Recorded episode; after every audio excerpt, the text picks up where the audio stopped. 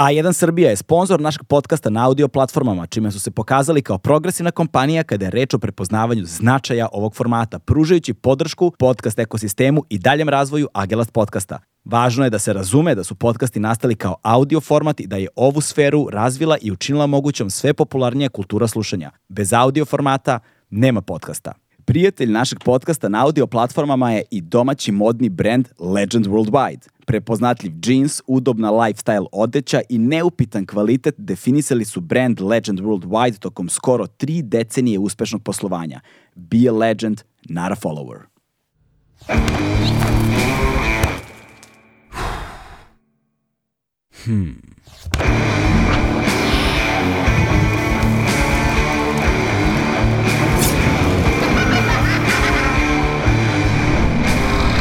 Gracias.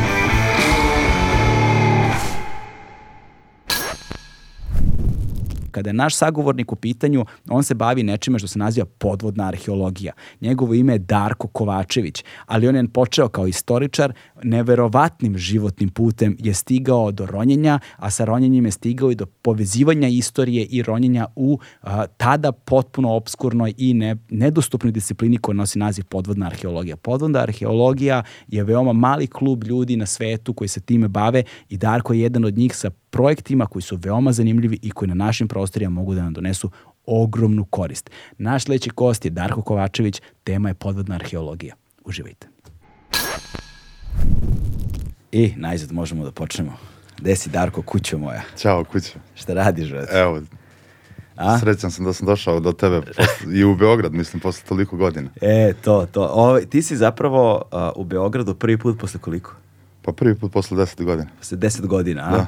E, kako ti je, si bio u rodnoj Požegi? Da, da, da, da. Koliko tamo dugo nisi bio? Pa nisam bio tamo godinu dana, to mi je bliže iz Crne Gore da dođem, a do Beograda obično presednem na letu ili tako nešto, zadnjih deset godina nisam uopšte dolazio u grad. E, to. I, se kako, kako ti grad izgleda sada, pošto si to ovde od, sino, od juče? Pa ne vidim da se bitno promenilo. Mislim, malo je naravno dosta lepše nego period kada sam ja, živeo i dosta je uređenije i tako, ali malo sam prošetao starim krajem dole po Dorčolu prema Cvićevo i to i onako i, lepe emocije. Da, nostalgija. Da, da, da, nostalgija. Nostalgija, nostalgija. Pazi, ovaj, odmah da nakažemo na početku, nama će glavna tema današnjeg razgovora biti podvodna arheologija.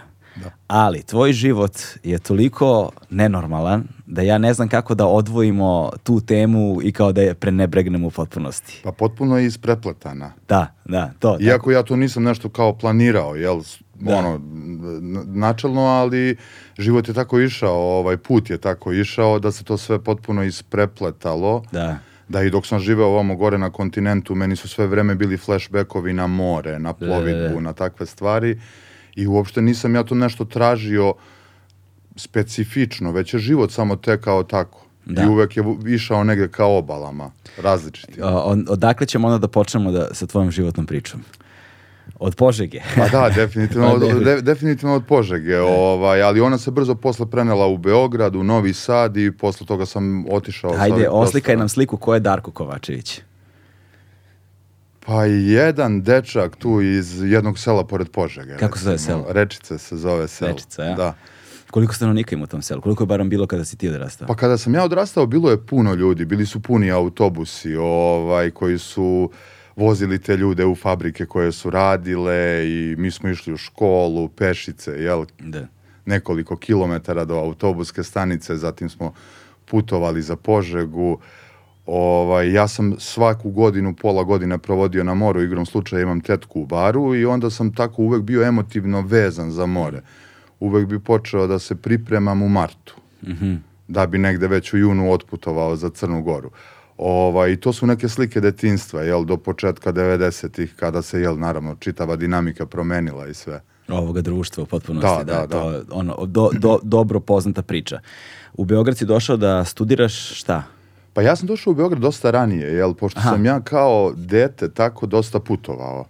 I onda sam već sa 10 godina išao biciklom do Užica, pravio sam neke svoje avanture i onda sam sa 14 došao u Beograd da vidim neke koncerte, upoznao neke ljude i od 94. 95. moji boravci u Beogradu su se sve više i više produžavali da bi posle od 99. kada sam upisao fakultet tu jel, prešao da živim narednih nekoliko godina. Da, da. A koje si koncerte posjećivao? Pa e, u to vreme je, e, to su mali hardcore punk bendovi. Jel? To mi reci. Da, da, Ti si da. imao i noise band. Da, imao sam i noise band i radio sam fanzin u jednom periodu. Ovaj. Mislim, u tih 90-ih sam bio deo te punk hardcore scene, jel? Da. Zajedno sa celom nekom ekipom iz Požege, Kraljeva, Užica, Kosjerića, Beograda, jel? Koje su to? Evo, imamo slušaoce iz svih tih mesta, tako da po meni slobodno oduševit će se ljudi koji pamte. Pa recimo ekipa e, Hoću Neću iz Kraljeva Mm, da, i ceo taj deo, jel? Evo imamo ovde, ponovo pominjemo Vojkana, evo imamo ovde Kraljevačku punk hroniku da ima svih tih bendova. Vojkana Trifunovića. Tako je, da, brate, da, da. da, da, pa da, to su sve drugari, jel, iz tog perioda. Ovaj, zatim ta ekipa iz Beograda koja je bila, ne znam, Miloš Romac, Nikola Da, da, da. Bangavi, Andreja Tomašević, tako. E, iz Kovina, e, pokojna Tanja, zatim e, često smo putovali u Suboticu. To je bilo onako jedno putovanje, jel, na krilima punk hardkora Da. svuda po Srbiji, jel, po, Sjajno, po ovom da, da, da. regionu. I to je dosta me profilisalo tako, jel, to je samo hranilo taj avanturistički duh, jel, koji je postojao i onda sam, počeo sam rano da radim u medijima, počeo sam da radim na radio Požegi, imao sam emisiju o punk hardkoru, e, koja se zvala kao i fanzin, zvala se Parking e, i zatim je to preraslo u neku više emisiju o alternativnoj muzici, zatim u neki talk show e, koji se kasnije zvao Večernja škola, tu sam radio i kao tonac, jel, pa sam naučio malo zanat i onda su me mediji dosta zanimali da bih negde počeo da razmišljam o tome da upišem novinarstvo. Ne Ok. znajući zaista kako izgleda ta mašinerija. Međutim, e, kada se dogodilo bombardovanje, pošto sam ja učio mašinsku tehničku, e, tu na Voždovcu mi se sruši ceo san. Ja sam došao da upišem novinarstvo, ali nismo mogli da upišemo sa diplomama mašinske tehničke škole i Jao, jeste, ti si, ti si zapravo, ti si dve godine stariji od mene, ali tako? Da, 80. I Vi da. ste bili ona generacija što nije imala prijemni ispit. Da. Nego samo na osnovu diploma i ocena iz srednje škole. Jeste, jeste, jeste, sećam se da jao, i onda ti sa mašinskom si imao nula šansi na... Nikakvih, Da, nikakvih. da, da, I da, on- da. vratio sam se u pionirski park tu ispod skrca i sedim tu onako sa u šoku, znači u nekom vakumu vremena, Mm. gdje ja shvatam da to što sam želeo četiri godine, jer sam bio ubeđen da sam promašio školu u, u tehničkoj, e, ne, ne mogu, ja to ne mogu da upišem. Da. I onda u tom vakumu mi pada na pamet istorija na filozofskom kao neka nauka koja je vrlo generalna, o kojoj ja vrlo malo znam u to vreme, jer sam se uglavnom bavio jel, anarhizmom, idealnim društvenim uređenjima i takvom literaturom. I kao, hajde to ću da upišem. Filozofski je uvek bio avangarda i ovaj, e, tamo sam predao dokumenta, onda sam primljen i, i to sam počeo da studiram. Da. Samo ta avangarda malo manje na istoriji, ali... Pa da, da, toga sam bio svestan kada sam počeo da studiram i nastavio sam, jel, da, da ispoljavam tu strast prema medijima. Dobio sam posao u Radio Indeksu gde sam ostao dve, tri godine da radim u Beograđanci kao ton majstor i montažer i tu je bila jel, super ekipa iz grada, tako da smo mi često izlazili i tako ovaj, posjećivali razne događaje, družili se i Da, da, tako okej. dalje, da. I? I e, negde, pošto sam svako leto nastavio da provodim na moru, jel, ali nikako nisam mogao da nađem veze neke, u smislu između toga što sam želeo, totalna jedna konfuzija, ja već tu shvatam da sam malo zapustio fakultet i odlučim da se prebacim u Novi Sad da ga završim po nacionalnom programu, da ne prelazim Bolonju jer mi je ostalo još jel onako jedan dobar čank. Aha, da, jeste, to je taj period. Bolonja je krenula neke 2002. treće, tako nešto, Da. a? Da, da, da. To da, je ja. bio jedan vrlo turbulentan period. Da, gde da. ti kao mlad čovjek nisi baš najbolje mogao da se odrediš prema svim trim transformacijama koje su se dešavale i u Novom Sadu sam magistrirao istoriju. Međutim, već kada sam ušao u samu istoriju, shvatio sam da me, da, da me najviše zanima taj maritimni aspekt. Mhm. Ali nisam, nisam mogao da nađem mentora za maritimni aspekt. A, A šta je e, maritimni aspekt? pa recimo pomorska istorija, istorija pomorstva, Mhm. takve stvari. Zna- Znači neki delovi koji bi vezali čitavu priču za more i za plovidbu, nisam to uspeo da pronađem, jel svakako ovde ljudi se više bave nekim drugim stvarima i onda sam, e, jel, odlučio da se preselim posle fakulteta da živim negde na moru. Dobro, i? I ocelio sam se za Grčku. Kako se Da. čovjek, znaš, mislim, jedna stvar je kao ocelio sam se za Grčku. Kako čovjek se zapravo oceli za Grčku? Šta Šta zna- Ništa, spakuješ jedan ranac i ono, odeš u Grčku. I kao, ne treba ti viza, ne treba ti boravišna dozvola, ne treba ti radna dozvola, ili si se snalazio za to, kako si živ, mislim, znaš, Pa, ja sam bio ubeđen da ja želim da živim negde blizu mora. koliko si imao godina tada? Pa 27. 27 Tako, godina, Da, da. ti pakuješ ranac, odlaziš za Grčku, kako, autobusom, šta? Da, autobusom, da. I Autobus. onda sam tamo Gde pronašao... si stigao? Si znao gde ćeš da ideš? Kod Pa ne, da stigao ideš? sam u Solun i onda sam putovao jel obalom i na Tasusu sam našao posao kao turistički vodič. Aha, čekaj, tek tako si našao posao. I Nisi imao nikakav kontakt, nisi imao nikakvog prijatelja, ni išao si sam. Pa e, znao sam neke ljude, jel, iz Novog Sada i tako Ok, dalje. to, pričaj Da, mi da, da. detalje, daj oslikaj nam to. Pa da. e, znao sam neke ljude iz Novog Sada i onda em, sam ja otišao, jel, i onda se pojavila jedna agencija koja je trebao vodič e, i zapo- Agencija odavde. Da, naša. da, odavde, da. I onda sam se zaposlio tamo i tamo sam ono počeo da živim, jel, tu na Tasusu. Sjajno jedno ostrvo, baš baš izuzetno prelep predeli. Međutim tamo sam upoznao instruktora ronjenja koji se bavio paraglidingom, jer je imao sliku na ronilačkom centru paraglidinga. Ja sam od 98. do 2005. intenzivno leteo i to mi je možda najveća strast u životu koju više ne praktikujem. Što? Pa previše je opasna i sada sam posvećen više podvodnoj arheologiji i ronjenju. Ali sa 18 godina sam ja negde ovaj čuo za jedno takmičenje u paraglidingu u Ivanjici. Aha, I otišao sam stopom da vidim ko 98. leti paraglider u Srbiji. da, da, da. I To mi je totalno bila onako jedna ovaj onako znao sam šta je paragliding ali bilo mi je šokantno da postoji takmičenje 98 ako se sećaš distopije Mhm, 98 i e, dolazim tamo očekujući da su to neki ono mladi ljudi koji su znaš onako aktivni ekstremni sportovi Da, da. to su sve ono ljudi od 50 55 godina Da, da, da. i kada sam prvi put video, kada su mi objasnili sve to, ja sam se bukvalno uvukao u aeronautiku. Znači, taj ekstremni aspekt mi nije bio toliko zanimljiv koliko su mi bile zanimljive nauke koje, koje omogućavaju da čovek sa jednom krpom poleti sa vrha planine i leti narednih nekoliko sati, Da, da, da. koristeći meteorološke uslove. I ja sam bukvalno, post, to je postala moja religija.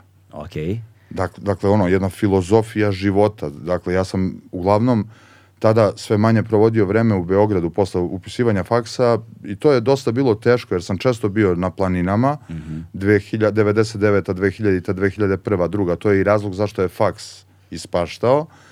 Ovaj, I e, uglavnom sam leteo Zlatibor, e, Brajić kod Budve i tako dalje i onda mi je to bilo onako jedno neverovatno duboko iskustvo posle tog punk hardkora gde sam ja shvatio u stvari to je jedina stvar koja te zaista odlepi od ovog sveta. Aha, dobro, dobro. Dakle- Mislim, slušam, pazi, ja ne znam ništa o paraglidingu. Tako da, što mi više kažeš, više ću znati. Slobodno idi u detalje, ono, ne znaš, objasni mi Dakle- šta je to čemu, zbog čega te taj paragliding toliko privlači. Dakle, privlači. to je neverovatna jedna stvar koja te zaista potpuno odlepi od ovog sveta i od toga ko si ti, odnosno ko su ti rekli da si ti. Jer gore dok letiš ti zaista živiš u svakoj sekundi Da, da, da. i u toj sekundi najmanje, što ti u stvari nikada ti ne pada na pamet, ti kao ego, kao ime, prezime, nacionalna pripadnost, državljanstvo, kao adresa stanovanja, bankovni račun, dugovi, prihodi, obrazovanje. Dakle, jedino što je potrebno u toj sekundi je da odgovoriš izazovima u, kojima, u koje te stavlja atmosfera. Da, da, da. I to negde, kada čovjek počne da razmišlja o tome šta on radi dok leti, počinje da menja definitivno ličnost. U smislu, uspevaš da dođeš do esencije svog postojanja. Dakle, do one osobe koja nema ime i prezime, nema nikakvu etiketu, nema, nema uticaja ne, e, društva, životnih procesa, iskustava i svega toga. To je samo jedna e, stvar koja leti Da, da. ili osoba koja leti, ili duh koji leti, koji je potpuno sinhron sa paraglajderom, sa krilom koje postaje deo tela i gde ti bukvalno moraš na osjećaj vazduha koji dobijaš preko njega da odgovoriš. I ja sam to radio tako u jednom kontinuitetu i to mi je bilo neverovatno. nevero- Koliko, ko, to, su, to su letovi, jel tako? Da, to su nisu, letovi. Nisu skokovi, Ne, letovi. ne, ne, su, to da su letovi, bukvalno, da. Koliko On- letova si imao? Pa nisam nikada brojao, ovaj, niti sam merio. nešto posebno, ali od 98. do 2005. je to zaista bilo intenzivno, recimo svaki drugi vikend, svaki vikend, neki put i ono vezano nekoliko dana, imao sam jednu super ekipu iz Požege, ovaj par ljudi i, e, iz Ivanjice, iz Beograda, iz Kraljeva i to je bilo to je bila jedna jedan nastavak punk hardkora samo u vazduhu. Da, da, da, Ovaj da, da, da, da, jedna ono ekipa slobodnih ljudi koja se bavila time i onda je to bila tako jedna onako e, lepa prolazna faza obzirom da je ta pa- punk hardcore scena i to zajedništvo jel negde nestalo posle bombardovanja, ljudi su se jednostavno diskonektovali, izgubili, ja sam već ušao u paragliding i onda sam nastavio jel samo da letim. I tu negde 2005. sam, e, već, već sam počeo malo i da preterujem, imao sam par nekih incidenata i onda sam već ono odlučio sam, Kakvih incidenata? pa imao sam e, front stall, to je ono potpuno gašenje kupole, propadanje i tako. Ne, ne znam šta to znači, moram mi objasniti. Šta je, kako, kakve kupole? Pa e, to je paraglider, znači to je Dobro. aeroprofil koji je iznad tebe dok letiš. Dobro. I, jel to onaj, to, to je onaj sa samo ručkom ili... E, to je zmaj. Paraglider je, znači sedimo kao u ovoj stolici. Aha, to je sa motorom. Bez, bez ikakvog motora. To je samo pa, padobran Aha, koji okej. ima izuzetne letne karakteristike. Ok, ok. Dakle, kada ga podigneš na livadi na vrhu planine, on dobije oblik aeroprofila Mhm. i leti po fizičkim zakonima. Dobro, dobro. I kada napraviš dva koraka i poletiš, znači sledeće što radiš je e, loviš uspone struje ili dinamike, odnosno vetra koji udara u planinu, ili termike, Ok. odnosno Toplog vazduha da, koji se toplog diže. vazduha koji se diže do kumulusa, do onih malih, Jasno, najlepših, da. belih, paperijastih o- oblaka. I sada kada uđeš u tu zonu, ti treba da zavrtiš i da o- okre- okrećeš u spirali kako bi ostao u toj zoni gde je termika ili da voziš paralelno sa padinom kako bi te držala ta dinamika Mhm, vazduha. Ok, ok. I ja sam jednog dana jel, naleteo na jedan jak, uzak termički stup i bili su malo jači uslovi i on me je izbacio toliko jako da od adrenalinskog šoka sam, nisam pustio komande, ali sam potpuno dao brzinu krilu. Odnosno, otpustio sam Da, da, kočnice i krilo je izletelo ispred mene i previlo se. Pod tebe. Aha. Ne pod mene, ali ispod, samo Aha. se okrenulo, slomilo Ok. se od napreda, kažem. Aha, ok, ok. I ono, konopci su ovako visili i ja sam krenuo da padam dole. Wow, I to sa jednim mirom. Stvarno. Da, da, da, to je bukvalno svestan si da je to to.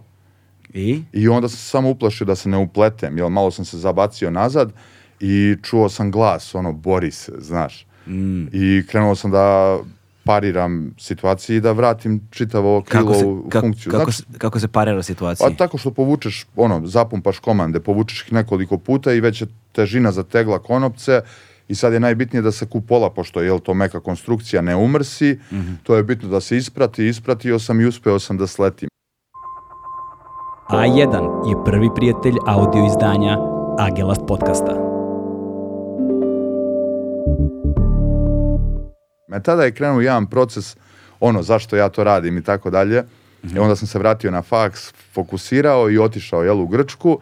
I sada se vra- dolazim u ronilački centar, ono, kao vidim slika paraglidinga i upoznajem vlasnika i počinjemo da pričamo o paraglidingu. Ok. Ja sam nekad kao klinac zaista želeo da ronim.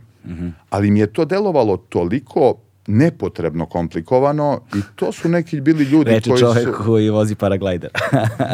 Da, ali paraglider je jedna jednostavna stvar. Znači, dovoljan Ok. je jedan dan da te neko nauči da napraviš prvi let. ok. Ništa komplikovano.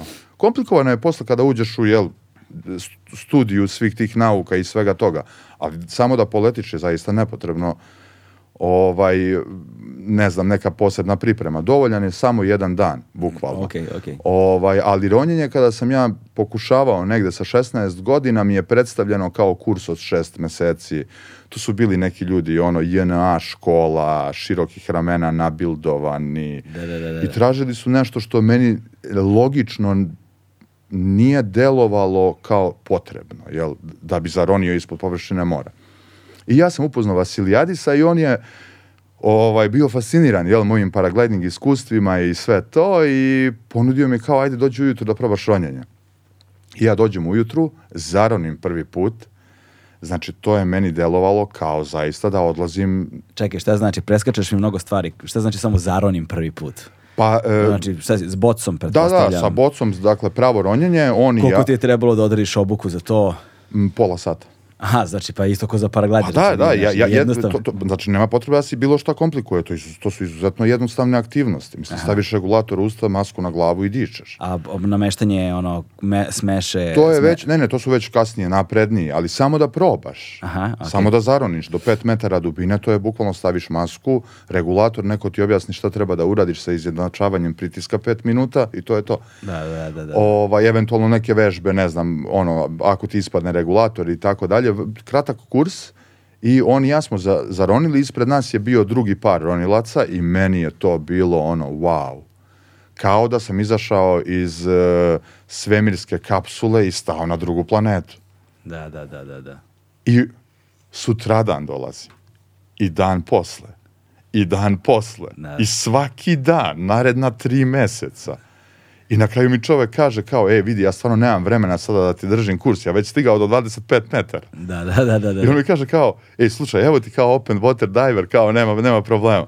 Šta, šta je open to je water? kao prvi, prva, prvi sertifikat do 18 metara dubine. Aha, aha, okej, okej, okej. Dakle, ja sam nastavio celu letu E da ronim sa pitanja, njima. pošto ja te stvari, ono, znam ih ovako kolokvijalno, pomalo neke stvari, znam, pošto sam se interesovao, jel te, za ronj- ronjenje na dah.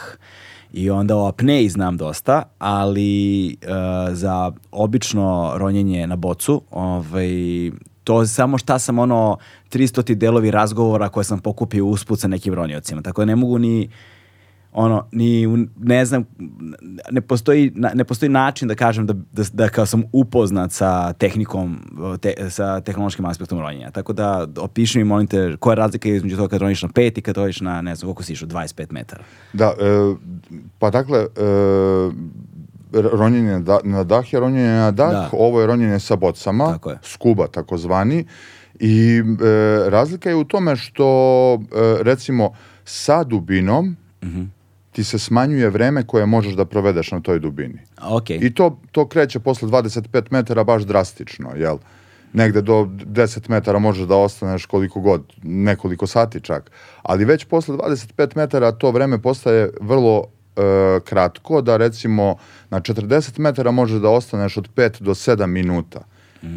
Da možeš bez ikakvih zastajanja da izađeš na površinu bezbedno. aha, to je za dekompresiju. Da, e, ukoliko ostaneš preko tog vremena ti ulaziš u režim dekompresije koji jel, povećava boravak na nekim manjim dubinama, gde je neophodno da ti kraće e, vreme provedeš na 12, malo duže na 9 i zatim na 6 metara i jednu veliku porciju vremena u zavisnosti od dubine i vremena koju si proveo na njoj. Dakle, em, jel, provodeći više vremena na nekoj većoj dubini, dolazi do saturacije inertnim gasovima, saturacije tkiva, kostiju celog organizma i sada je neophodno vreme da se ti gasovi izbace, jel, disanjem i to je razlog zašto se sa velikih dubina sporije Vraća. vraća na površinu i ostaje duže, jel, na nekim, na nekim dubinama od 21 do 6 metara. E, ali u tom rekreativnom opsegu do 30-40 metara zaista je to jedna izuzetno bezbedna aktivnost, ne zahteva nikakvu posebnu fizičku snagu, zahteva neko jel, opšte zdravlje i neku opštu kon- kondiciju, ali nije ništa preterano komplikovano da neko ne može da završi prvi kurs za 4 dana ili 5 dana vežbe. Ok, ok, a preko Da. 40 metara to je ono tehničko To ronjenje. je tehničko ronjenje, to zahteva napredne kurseve, poznavanje e, ronjenja sa mešavinama gasova, zahteva ili specijalne uređaje ili e, komplete opreme sa dosta više boca. A, ok, ok, Da, ok, ok. jer Znači moraš da postoje- imaš duplu opremu, sve Da, moraš da nosiš uvek je to redundancy, znači uvek je sve duplo i uvek ide ovaj... em, roni se u timu naravno, Mhm. ali ti kao ronilac uvek moraš da budeš spreman da sam nezavisno odgovoriš izazovima koji mogu da te sretnu, jel, dole na dubini. Tako Dakle, da je... ronite u timu, ali si zapravo sam. Da, ali je recimo i e, mindset potpuno drugačiji. Znači, način razmišljanja u tehničkom ronjenju i rekreativnom je potpuno različit. Rekreativno je kao dobra žurka. Aha, ok. A tehničko ronjenje je onako jedna ozbiljna zaista stvar koju čovjek mora da bude posvećen, fokusiran e, i da ima recimo rutinu. Rutinu tih podvodnih e, vežbi i operacija koje je neophodno da se urade. Jer ako se dogodi neki izazov, e, bez razmišljanja se reaguje. A, ok, ok. Znači, bukvalno na osjećaj. Da, da, da, da, da. Da bi se, jel, pravovremeno otklonio izazov. Mm, ok, ok, ok, a doćemo do tih tehničkih pojedinosti i ono radova pod vodom, odnosno pod morem. Da, da, da, da, zvuči, da, pošto da. Ljudi sa mora vole da kažu more, a ne voda. To sam, to, to, to sam primetio jako davno. Ok, a, i ti sada ideš svakoga dana na obuku u, na Tasosu, jesi tako rekao? Da, da, da, na Kod Vasi- Vasilidisa. Da, Vasilijadisa, Vasilijadisa, i. Vasilijadisa i, i bukvalno tako ja na kraju leta jel, završim taj prvi kurs. E, kada se završilo leto, ja ono, odem da putujem e, kroz Tursku, otputujem jel, tamo negde skroz do istoka Turske, pređem u Iran, vratim se nazad u Grčku sledeće godine. Čekaj da pričamo malo o tim Da. tvojim iskustvima i putovanjima, pošto si ti, koliko si godina proveo ti na Bliskom istoku, samo Pa da kažemo ceo ljudi. Bliski istok ukupno osam godina. Osam I godina. Grčka sedam godina. Živeo si u Siriji, Da, u živeo si- Libanu, ži- u Izraelu. u Egiptu, Pet godina sam proveo u Egiptu. govoriš tečno arapski Da. jezik. Čisto da najavimo, e, čisto da najavimo ljudima da znaju sa kim imaju posla i kuda Da. ide ova priča. Govorim i grčki takođe, Da, ali, ali, da. ali o tom potom.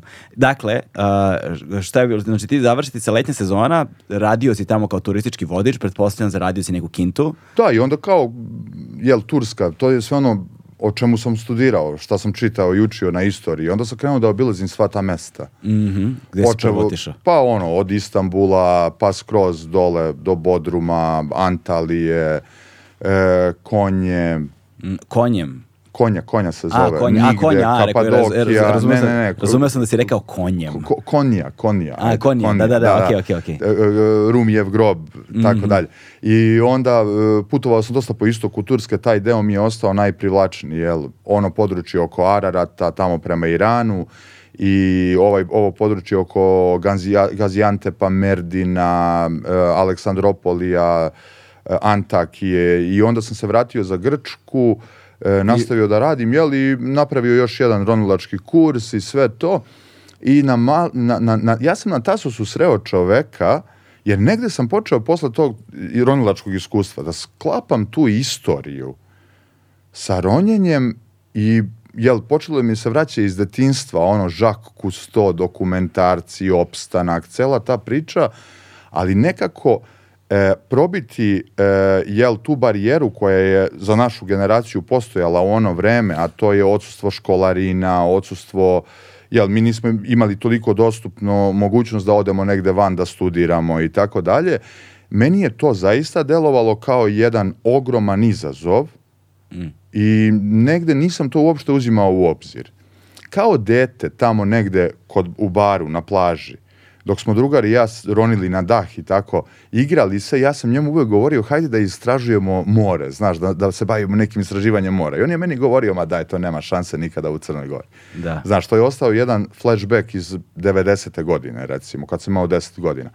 I sada to počinje meni da se vraća, jel, sa tim ronjenjem i istorijom, ja razmišljam, čoveče, podvodna arheologija, ali to je tako daleko i nedodirljiv svet, jel, iz tog mog konteksta. I ja srećem na Tasosu e, Slovenca koji je direktor Francuske arheološke škole na Tasosu i imali su oni jednu sekciju podvodne arheologije tamo sa profesorom Jean-Yves Pererom i ja počinjem da se družim sa njim i Toni meni postaje prijatelj, jel, onako, svo to vreme dok smo tamo živeli i on mi uvek savjetovao kao, čovječ, idi u Aleksandriju, tamo je Jean-Yves, kao, znaš, ako te stvarno zanima podvodna arheologija, jer sam ja postao izuzetno radoznao prema tome šta su oni radili, šta su pronašli, kako to uopšte funkcioniše, šta je podvodna arheologija i e, jel putujući tako dalje ovaj, vratim se ponovo za Tursku i odem u Siriju. Ok, tek tako, koje Pa godine? tek tako, 2009. 2009. Da, godine. da, da. Kakva situacija u Siriji 2009. E, d- znači, ja sam ušao u Siriju i poslao... Gde si otišao, samo mi E? U Alepo. U Alepo si Da, otišao. da, upoznao sam ovaj jednog čoveka, Anasa, on sada živi u Nemačkoj, on je prošetao, jel ono, walking tour, Sirija, Mhm. e, Nemačka u ono vreme kada je migracija počela 2012. 13. Ovaj, kada je počeo rat i e, ja negde tako posle nekih 15 dana tu Gde? u Alepu, Čekaj, ali kako si došao u Alepo? Najno, najurednije si, tad, ta- to je bilo vreme kada je najnormalnije mogla se kupi karta, da se stigne tamo, nikakav problem, vize, pa da, ništa. da, da, vizu sam dobio ono, Na od- granici. odmah u Beogradu. A u Beogradu si imao, mora, ne Da, znam kako da, je izgledala da. procedura, nisam nikada bio u Ne, Siriji. aplikacija je normalna aplikacija za vizu i onda u Beogradu u ambasadi dobio još vizu na tri meseca sam je dobio. Ok, ok, da, ok, da. ok. I ništa, putovao ponovo istom rutom kroz Tursku, tako obilazio Autobusom? sam e, bu- e, stopom. Stopom si išao? Da, da, stopom sam putovao i ono, došao sam na Wow, granicu. Znači ti si još luđi nego što sam ja mislio. Dakle, stopirao Ne, si... ne, sve je ono uglavnom bilo ono hitchhike, neki put autobus, neki put e, voz. Da, da, da, da, da. da. Ali sve zavisi, o, o- mislim, ja imam tu neku, ovaj, e, dok sam živeo kao klinac u Požegi, meni je ono železnička stanica bila najomiljenije mesto. Evo sad kad sam bio otišao sam na železničku stanicu. Da, da, da. Znaš, u tom jednom malom gradu to je jedina dinamika. Tu dolaze ljudi, odlaze, prolaze vozovi. Ja tako dođem bajsem, sednem tamo i ono iskuliram 15 minuta u toj energiji pokreta i nastavim posle ovaj, u gradu, dok sam, dok sam tamo, dok sam bio dete. I ovaj, i tako, jel, kada vidim ono, u nekom mestu kamione, autobusku ili železničku stanicu. Znaš, imam taj kao trigger, kao jao čoveče, ovo bi moglo da donese neki zanimljiv put. I onda tako otišao sam skroz, jel, ponovo do Antakije, tamo do Antiohije, prešao u Siriju da vidim zemlju, jel? I upoznao sam Kako to, si prešao Siriju? Vozom? e, sa kurdskim, e, sa kurdskim taksistom koji me je zamolio da mu prošvercujem dva boksa cigareta. Čekaj, čekaj, gde si upoznao tog kurdskog taksistu? Na graničnom prelazu. Upoznali ste se i on ti je dao dva boksa cigareta Da, da, i, kaže ja te vozim. Da, da, ja te vozim. Pošto da. to beše, može svaka osoba po dva boksa. Da, onda on da, ima da. dva boksa, ti dva boksa. Da, da, Tako da, kaže, ajde ti, to. to, to, to. okej. A auto je neki stari Peugeot karavan, ono ogroman, dug i još je tu bila neka roba koju on vozi iz Turske za Siriju.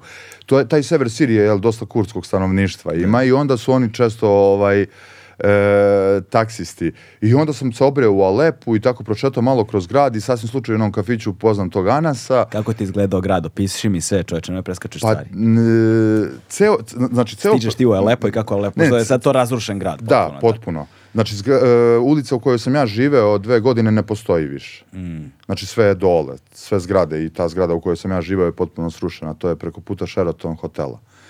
I e, ceo taj predeo, Merdin, Gaziantep, e, Antiohija, Antakija, Hataj, kako ga Turci zovu, Alepo, ta severna Sirija, e, jugoistočna Turska je, jel deo ono antičkog e, plodnog polumeseca. I to je jel, jedno ono jedan sajam svetske kulturne baštine koja je i dalje netaknuta, u smislu neuređena. Dođeš na lokalitete, šetaš po njima, nema naplate karata, nisu u sistemu, jel? Da. A lokaliteti su tipa hetitski, međanski, e, asirski i tako dalje. Dakle, ono, starih, starih civilizacija.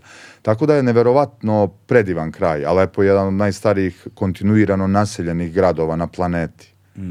I jedan, jel, naravno, jedna tragična zona sveta. Tu nikada nije stao konflikt i ne verujem da će ikada stati, ali e, sam grad je e, meni ušao neverovatno u srce. Osetio sam se kao u filmu o putu svile.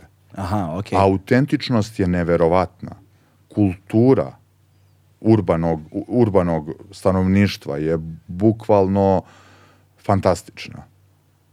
Dakle, to su ljudi koji drže do sebe, do svoje kulture, do svoje tradicije, koja je izuzetno e, prepuna je manira. U Alepu vas nikada trgovci neće vući za rukav, e, nema prevara. To su zaista pravi oni trgovci Da, da, da. koji prodaju svilu, sapun, začine. E, marketi izgledaju isto kao ono u Aladinu Da, da, da, da, da, da. u hiljadu i jednoj noći. Da, da, da. Dakle, takav je, takva je jedna scena. Znači, ono, starci na, kamil, na, na, na magarcima koji razvoze robu po suku, suk se zove market. Ja sam bio totalno opčinjen gradom. E, ostatak grada deluje malo, da kažemo, socrealistično, odnosno brutalizam je ono, uticaj e, Arhitektura, arhitekture, da, da, da, Sovjetskog saveza i svega, ali suština samog grada je onaj stari e, sta, stara islamska viša klasa, recimo, tog bliskog istoka. Neverovatno, baš, baš onako e, puno zanata nekih koji su već počeli kod nas na Balkanu da se gube Da, kao na da primjer. nestaju. Kao na primjer onaj kuju, kujundžijski zanat, zatim za, male manufakture za proizvodnju sapuna, za proizvodnju e, začina, boje. To je ono što sada, to je ono što sada doživljava novu renesansu kroz kraft proizvode. da. To jest, znači, mali zanatski proizvodi, ono, koji sada ponovo oživljavaju na našim prostorima, ono, zahvaljujući našim dragim hipsterima. Da, da, da, da, da, ali bukvalno to je I tamo realnost. I zaljubljenicima u zanate. Jer imali smo mi jedno duže vreme taj period kada se taj zanatski deo zapostavljao, išlo se na to ono visoko i opšte obrazovanje i onda su svi hrlili ka gimnazijama i srednje škole su se polako gasile, ali ne gasile, mislim, ali interesovanje za njih je prosto padalo. To je jedna, sada se malo stvari opet menjaju u drugom smeru. Ali dobro, nastavi priču ti E, svoju. t- tamo je to, jel, način života. Da. Svako je zanatlija. Bez obzira ako radi, ne, radi neki drugi posao, on radi i taj zanat. Oni Mm. u Siriji jako puno rade. I ja sam tamo ovako ostao, jel, i upoznao sam neke ljude iz Šibani škole i to je jedna ekipa koja je radila mapiranje e, starog grada Alepa. Mhm. To je bio jedan projekat koji je, ja mislim, vodio Getty institut, ako se Ali dobro čekaj, samo sećam. sekund, dakle, samo da, da preskočili smo opet, uh, uh, opet si mi preleteo preko stvari. Dakle, ti si stigao lepo prvi dan i nisi imao tamo ništa dogovoreno, nisi imao nikoga i nisi imao nikakav smeštaj. Ne. Ne, i gde si spavao prvo veče? E, u, u hostelu. A, hostelu, našao da, si da, hostel. da, našao sam hostel jer je ovaj, t- e, Bliski istok u to vreme je bio ono backpacking e, paradise. A, okej, okej. Dakle, to je bilo nešto što je dalmatinska obala danas. Mhm. Masa putnika koji putuju kroz Bliski istok ka istočnoj Africi i ka jugu Afrike. Okej, okej, okej. Tako da su ho- hosteli Sve, su... sve krajevi u koje više ne možeš, ono. E, da, sada je to jel, blo- blokiran prolaz, jako redko ide taj stream, Da. stream putnika kroz, kroz taj deo sveta, u stvari uopšte ne ide više, ali u to vreme su bili hosteli koji su imali e, takozvane krovove. I ti tipa za euro iznajmiš matres na krovu. A. I na krovu je hardcore putnička ekipa, tu su priče iz Konga, Botsvane, e, iz, e, ne znam, Tanzanije, Kenije, koje u to vreme počinju sa nekim masovnim turizmom, da kažemo, jel? I tako da je e, sjaj- sjajna ekipa ljudi. Da. I ja sam tu ostao nekoliko dana i u međuvremenu sam upoznao tog Anasa koji je imao neku vezu sa Srbijom, imao je devojku neku u Srbiji i tako dalje. I on me ono, znaš, ugosti, jel, kod njega. I, I ja negde, iskreno da ti kažem, se osjetim kao da sam u Jugoslaviji. Aha. Da. Znaš, kao sve je okej, svi su Sirici, znači koncept, kontekst, znači cela kutija je kao Jugoslavija. Da, da, da. Ja sam bio ono šok. Znaš, totalno onako jedna ležerna država, sve je u redu, nema nikakvih problema. I e, onda sam počeo da radim sa tom ekipom jel, e, na mapiranju Alepa i to je bio jedan dug projekat u crtavanju. Tu sam ušao u geografski informacioni sistem, početke fotogrametrije i tako dalje zajedno sa njima i negde sam već bio ubeđen da ta istorija i nije baš neka ovaj, profesija kojom ja želim da se bavim u životu, vratila mi se ta tehnika, praktičnost i sve to. I zaista sam uživao, dosta sam putovao po Siriji, mislim, ono, bio sam u svakom gradu i u nekim selima. U Palmiri sam proveo, ne znam, možda sve ukupno šest meseci, dosta vremena po nekim manastirima, tipa Der Marmusa, pored, pored Damaska. Tu sam sa jednim Slovencem, ovaj, tokom boravka, jel, sadio masline. Ne znam da li, još, da li su se primile i porasle, ali Roko, jedan iz Slovenije i ja smo posadi- Tipično ono slovenačko ime. da, posadili smo ceo red maslina od, od parkinga do staze koja vodi do manastira izvini, koji je gore bi- u brdima. Da, mada bi Roko više bilo italijansko, možda Rok bi bio slovenac. ono. Da, rok, rok, da, da. Nastavi, molim te, izvini. I e, stvarno sam bio opčinjen, jel, čitavom zemljom. E, netaknuta, potpuno. Dakle, u pustinji stoji tipa Dura Europus, napušten rimski grad. I dalje su tu zidovi, znači potpuno je prazan. Ovamo e, u severnom delu nekoliko vizantijskih sela u kojima niko ne živi, dalje su tu kuće, crkva, sve to stoji, samo nema krovove. Da. Pa onda tako u nekim, o, o, o nekim od tim, tim antičkim naseobinim, naseobinama i dalje žive ljudi. Dakle, kuća je sa stubovima ozidana od kamena, četvrti vek, recimo, nove ere. Ali ljudi unutra i dalje žive, to je njihova kuća. Stoji tako u prostoru. Ludilo. Da, da, totalno neverov, neverovatna zemlja. I sam- verovatno su i generacije ono iz te kuće. znaš, kao, Apsolutno. Kao, Da, dakle, to je kontinuitet jel, na, na, naseljenosti, ovaj, ne samo i nekog grada kao što su Damask i, i Alepo, ali i, i jedne, jed- jednog građevinskog objekta. Mm, da. E, I tako da sam ja baš bio, ono, ljudi su izuzetno gosto, gostoprimljivi, gostoljubivi, e, predusretljivi, pa ja jednostavno se nikada nisam tamo brinuo da li ću, kako ću stići negde, da, to je stvarno onako... Da, to su kulture gde je gost stvarno u centru. Da, Da. da, da, i to je baš, baš u centru, centru. Potpuno je posvećenost da ti se pokaže šta god si poželeo. Da. Ovaj, da vidiš tamo, tako da sam baš imao prilike da, da, da istražim i sve te neke etničke skupine od Kurda, Druza, Amorita, Haldejaca, kako oni svi sebe granaju, jel?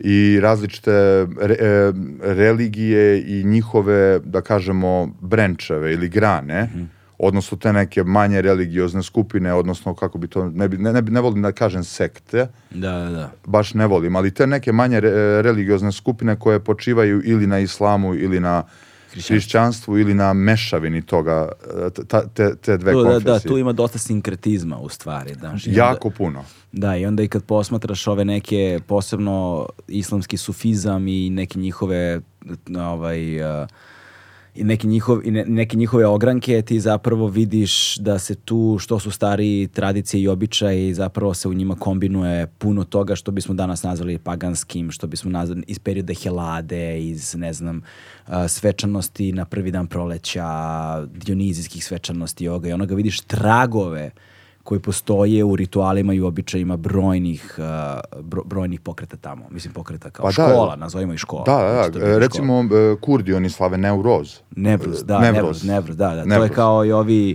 uh, derviši. Da. Derviši, da, to je islamski sufizam. Oni imaju te tarikate, odnosno škole, ti koliko ima 12 tarikata, čini mi se, 12 ili 14, mislim da je 12 tarikata i da i imaju taj Nevruz, to je, šta beše, Alin rođendan, Nova godina i prvi dan proleća. Tako je. E, da. Da. 21. mart. je. Da, da, da. I to je, to je onako, oni, oni na, na severu Sirije organizuju ogromnu svečanost, jel, kao ogroman vašar sa e, kulturno-umetničkim programom i sa, ono, Luna Park, va, šećerna vuna i ostale stvari. Tako da sam ovaj, tih nekoliko godina posjećivao ovaj, tako razne te svečanosti, dok nije počelo arapsko proleće. Kad je počelo arapsko proleće, naravno počela je da se menja dinamika u zemlji. 2011. u Egiptu, to, 2011. kad je krenulo u Egiptu, nije delovalo kao da će da se prenese na Siriju. Nikada, n- uopšte, m, niko nije mogao da to primeti negde u mainstreamu. Mhm. Dakle, n- osim tih nekih e, par incidenata koji su se dešavali na jugu, e, uglavnom je bilo stabilno, nije, nisu postojale demonstracije, nije se uopšte videlo. Videlo se da se vojska ukopava i tako ti procesi i onda je e, u martu proglašeno ratno stanje, onda su stranci počeli da se iseljavaju, jel, onako skroz. Ja sam ostao još malo jer sam imao vizu, ostao sam negde do, do, do, do leta, do kraja leta i sve vre... Do kraja leta 2011. 2011. Da, i onda sam sve vreme imao proces u glavi koji mi je govorio kao čoveče ponovo repriza Mm. 90-ih. Da. Ovaj, jer svi, svi parametri su pokazivali da je to vrlo slično Jugoslaviji. Da. Iako možda proces nije mogao da ode u onom, u onom jel, e, maniru u kom se ovde desio, ipak je proces počeo i definitivno je bilo jasno da će rat da bude dug i krvav Da, da, da, da. obzirom na jel, istorijski razvoj, e, politički razvoj same zemlje i e, sa tim sa čim se Sirija suočavala u tom momentu, ja sam u jednom momentu u Alepu pomislio čoveče, pa mislim šta ću sada? Kao još jedan građanski rat, još jedan haos. Ja sam pomislio samo, daj čoveče, probaj da budeš ono što si hteo da budeš kad si bio dete. Mm, da. a to je da istražuješ more. Da, da, da. I verovo ili ne, sedeo sam i to je negde verovatno u podsvesti mi bilo ono, Jean-Yves Pereira, Aleksandrija priča ovaj, sa Tonijem sa Tasosa i izguglao sam programe za podvodnu arheologiju i pojavljuje se Centar za arheologiju pomorstva i podvodnu kulturnu baštinu u Aleksandriji. I ja kliknem i ono vidim da je cena studija vrlo prihvatljiva. Samo traje malo duže nego što sam ja planirao. Jel traju dve godine, još godinu dana je e, istraživanje i izrada teze i ja sam ono shvatio kao Egipat koji je već jel ono u dubokom procesu arapskog proleća, revolucije, Mubarak je otišao, sve se menja. Ja odlučujem da pošaljem mail i da apliciram i da počnem studija tamo. I da ideš u Egipat. Da, da, da, da. Kakav si ti ludak, bog te maza.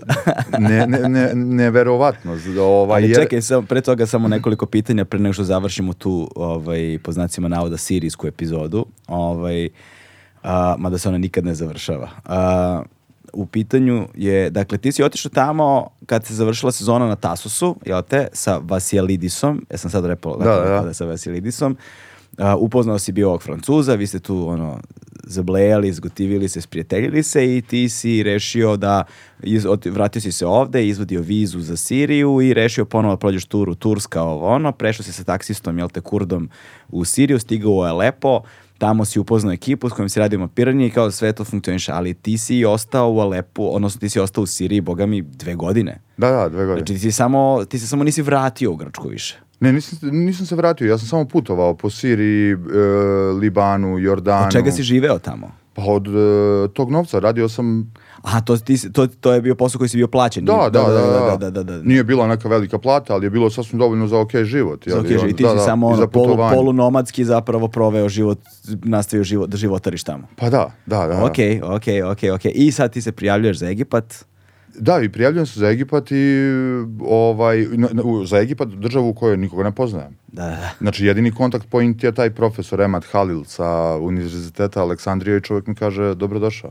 Čekaj, u međuvremenu ti si za te dve godine u Siriji, koliko si naučio jezik? Pošto ti vjerojatno... Vrlo malo. Da. Verovao ili ne, vrlo, vrlo malo, jer sirijski je potpuno drugačije od e, egipatskog. Aha, ok. Oni ga kao, da- ja imam u stvari lično utisak kao da ga oni pevaju, jako brzo pričaju i nisam uspeo mnogo da naučim. Pokušavao sam, naučio sam slova, uspe, či- uspeo bi tipa da pročitam nešto, ali nis, e, i, možda sam bio previše izložen stranoj zajednici u okviru te šibani škole i mapiranja i ovaj da nisam toliko provodio vremena samo sa Siricima. Da, da, da, da, da, da. Što bio primoran da naučiš Da, što će u Egiptu biti potpuno drugačije, gde ću da se srodim sa braćom Egipćanima potpuno i da naučim skroz njihov dijalekt, jel? Ok. Ali ovamo, e, verovatno je to bio razlog, jer bukvalno sam bio ono, više deo tog expat community-a nego što sam se, mislim, naravno, tu su bili i Sirici prijatelji i sve, ali to su ljudi uglavnom koji će sa nama pričati engleski Zanimljivo je, si primetio kako kada zapadnjaci putuju, oni su ekspati, a kada sa istoka putuju, onda oni su iz- migranti. Onda su migranti i Da, izbeglice. a? izbeglice. Da, da, da, da, to je to. Pa to je neki proces koji se dogodio meni takođe, jel, u svesti u jednom momentu u Egiptu, kada sam došao posle tog početka rata i svega, gde više nisam želeo da budem na Bliskom istoku deo te ekspat zajednice. Da, da. A i same studije su dovele do toga jer ja sam bio jedini stranac i studirao sam samo, su bili Egipćani i jedna devojka iz Tunisa. Ja sam bio tamo prvi na programu koji je došao sa evropskog kontinenta. A, ok, ok, što je fascinantno samo po sebi. Da, da, da, Da. potpuno. I um, uspeo sam, jel, da prikupim e, tu masu dokumenata koji su trebali za upis. Ja ne mogu i dan danas da verujem, to je takva birokratija. Oni koji su bili sa mnom u kontaktu tog, tog procesa iz ambasade Srbije u Kairu, Ministarstvo spoljnih poslova, oni znaju. To je trajalo osam meseci. Wow. Na kraju sam upoznao e, tadašnju zamenicu ministra ili ministarke visokog obrazovanja, jer oni imaju to ministarstvo, i kada sam doneo fasciklu sa dokumentima, žena je bila u šoku. Kao, šta vam je ovo? Ja kažem, pa to je sve što su mi rekli da prikupim. I ona je prelistala i rekla kao, pa pola vam ne treba. A mene su mesecima vozali, jao, treba ti još jedan papir, idi tamo uzmi ovo, idi tamo uzmi ovo. Ništa nije bilo potrebno. Da, da, da. Znači, da. potpuno zbunjivanje. kao kod nas. Ma. Pa, e, kažem ti, postoji ne, ne, ne- neka linija koja spaja sve te zemlje, jel? Da, da, da. Znaš, da, da. postoji jedna, jedna ta horizontalna linija koja putuje od Beograda prema Istanbulu, Alepu, Damasku, spušta se na Ana, Aman, Mm. e, Sinaj, Aleksandriju, vozi do Libije i dalje prema Maroku. Znaš, Gde, to je ne... gde- gde vidiš te sličnosti. Pa ima dosta sličnosti. Znaš, meni je tamo kada sam počeo da studiram, profesor posle šest meseci prišao u kuhinjicu dok sam spremao kafu i rekao, čoveče, znaš, ja ovde radim godinama sa strancima, baš godinama. Ja nikada nisam upoznao nešto kao ti. Da, da, da. Ja kontam rekao da nisam nešto ono uradio protiv pravila, jel? Ono društvenih Nešto pogrešno, normi, da. pogrešnih. Kao rekao, je li neki problem? Kao, ma ne čoveč, kao, ti si isti kao mi. Da, da, da, da. Ja mu kažem, Ana Masri, Habibi. tako da je ovaj, tako jedna toplina, moram da ti priznam, jer tu su, tu je estetika našeg detinstva. Mm. To je ono što je mene tamo fasciniralo. Em, jel, kad poglaš enterijere, ljude kako žive, automobile na ulici Lade, 128-ice, stojadine. Stvarno, to se vozi tamo, a? Da, da, da, znaš, ne možeš ono da ne osjetiš neku nostalgiju za 80-ima, za detinstvom u Jugoslaviji, znaš, Da. i način kako njihove porodice funkcionišu takođe ima tu nekih sličnosti, ovaj, i nije to samo moj zaključak, to je čak zaključak mnogih ljudi koji su se time bavili, ovaj, okej. da, da. I tako da, em, posle tih osam meseci, ja sam počeo da studiram, međutim, u međuvremenu, Samo, samo polako, da, da se vratimo još malo korak unazad. Dakle, zanima me kako si ti stigao sad iz Alepa u, u, gde si u Aleksandriju pravo otišao? E, za- ja sam se vratio iz Alepa za Beograd Okej. da sredim dokumenta Dobro. i onda sam ništa bukirao let u oktobru 2011. za Aleksandriju. Mm, ok, to, je, to nije direktan let, to je kako se... Za Hurgadu, Za i- Hurgadu, da, bez da, Hurgade jer nije imaš. bio Beograd Kairo u to vreme, leteo sam tim nekim čarterom. Sećam se ovaj, da, da, da ta agencija, e, mislim ona više ne postoji, kada su čuli, jel, zašto idem u Egipat, ono, častili su me avionskom kartom, u smislu dali su mi 10 dana hotel u Hurgadi i nisu htjeli da mi naplate avionsku kartu, koštalo je nešto 150-ak, 100, tako nešto, 150 Lokalni eura. let, da, da, da. Da, Da, Beograd, e, Hurgada. A Beograd Hurgada bila? Da, da, 150? direktan, da, da, A, ok, ali to je ono kao, ja sam otišao u agenciju, htio sam kupim aranžman, jer mi je bilo lakše tako kao da malo ronim u Hurgadi i onda idem za Aleksandriju. Međutim, ovaj tamo kada su shvatili da ja idem u Egipat da studiram, da živim, oni su bili u fazonu, čoče, evo ti kao 150 eura. Možda im zatreba u budućnosti turistički vodič. Pa ono, da, da, da, da. I, i, i to je investicija, znaš. Pa delovalo je tako I, i, i ja sam sletao jel, u Hurgadu, otišao na ronjenje na Crvenom moru nekoliko dana, kada sam došao sa Mediterana, prvi put sam zaronio u Tropskom moru, to je za mene bilo sa tog aspekta ronjenja, ovaj, za mene je to bila jedna ono potpuna, ne znam, ono, potpuna fascinacija na prvi pogled. Mm, kako je, kakav je, kakvo je, kako je iskustvo ronjenja u Crvenom moru? D- Dakle, to je ono Disneyland. E, Sgt. Pepper's Lonely Heart Club Band, Yellow okej, Submarine. Da, da, Yellow Su- da, znači, da, da, da. boje, boje, boje, boje, koralna, koralne bašte, koralni grebeni, ribice, živi svet, e, funkcionisanje same te industrije, komfortni brodovi, Mm. nasmejani ljudi uvek, e, fa- fantastično, fantastično. I onda sam posle toga otišao u Aleksandriju, jel, prošao sam kroz Egipat, proputovao do Kaira, do Aleksandrije. Aha, ti, ka- čekaj, kako nisi, zar nisi išao avionom? Da, je, jesam, ali onda sam autobusom, jer krenuo Aha, okej, okej, okej. iz da vidim zemlju, jel? Do, a, okej, okej, okej. A samo mi reci prvo, e, isto kao i za, isto kao i za Lepo, kakav je utisak bio kad si sleteo u Kairo, prvi isku, prvo iskustvo, prvi utisci, gde si se smestio, jesi imao neki plan? Ne, nisam imao nikakav plan. E, samo sam, ko- ko- ne- ne- na jednoj grupi sam našao da neko traži stan u Aleksandriji i onda sam kontaktirao tog momka Francuz ovaj, i on je on, u međuvremenu pronašao stan i onda smo se dogovorili kao da idemo da ono, podelimo stan, pošto su tamo stanovi od 120 kvadrata, jel, od, Da, da. od 90 do 120 su uglavnom stanovi, oni ne znaju šta je garsonjera ili jednosoban stan. Aha, to su uvek stanovi koji su građeni jel, za porodice, Da, da, da. da. jer je stan ono preduslov da bi se oženio. A, okej. Tako da se uvek grade samo takvi stanovi. I onda sam, jel, želeo sam samo da vidim malo Egipat kopnom, jel, da vidim kako funkcioniše Kairo, ostao sam u hostelu dva dana, bio sam, ono, potpuno iznenađen. To je grad od 2,5 miliona ljudi saobraćaj, koji se me, saobraćaj e, u, kojoj, u kojoj jednoj ulici se mešaju svi vidovi saobraćaja. Mm. E, ljudi koji idu peške između automobila, automobili koji se probijaju među ljude, magarce, e, konje, znači sve je to zajedno i sve to zajedno teče Da, da, u nekom haotičnom skladu. ovaj, A to, su, to su te priče, ono, ljudi koji su imali iskustvo da voze po Kairu, fazonu si, brate, dok ne voziš po Kairu, ne znaš šta je vožnja.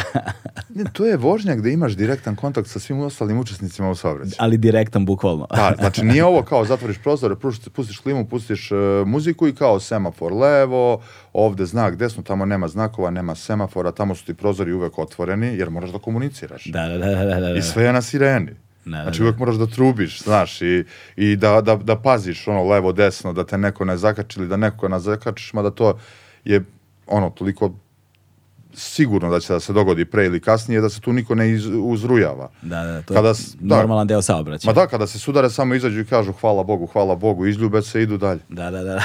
Ako može da se ide dalje, ako ne može, onda se ono, m, pomera aut. to, to, to, to. I, Da.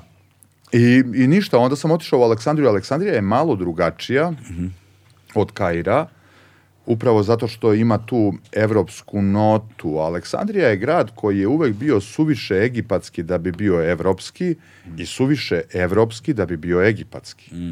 Tako da je tu nekako izuzetno čudna atmosfera. Ja sam uvek govorio da je to najčudniji grad u kome sam ja ikada živeo. To je, e, grad je potpuno egipatski.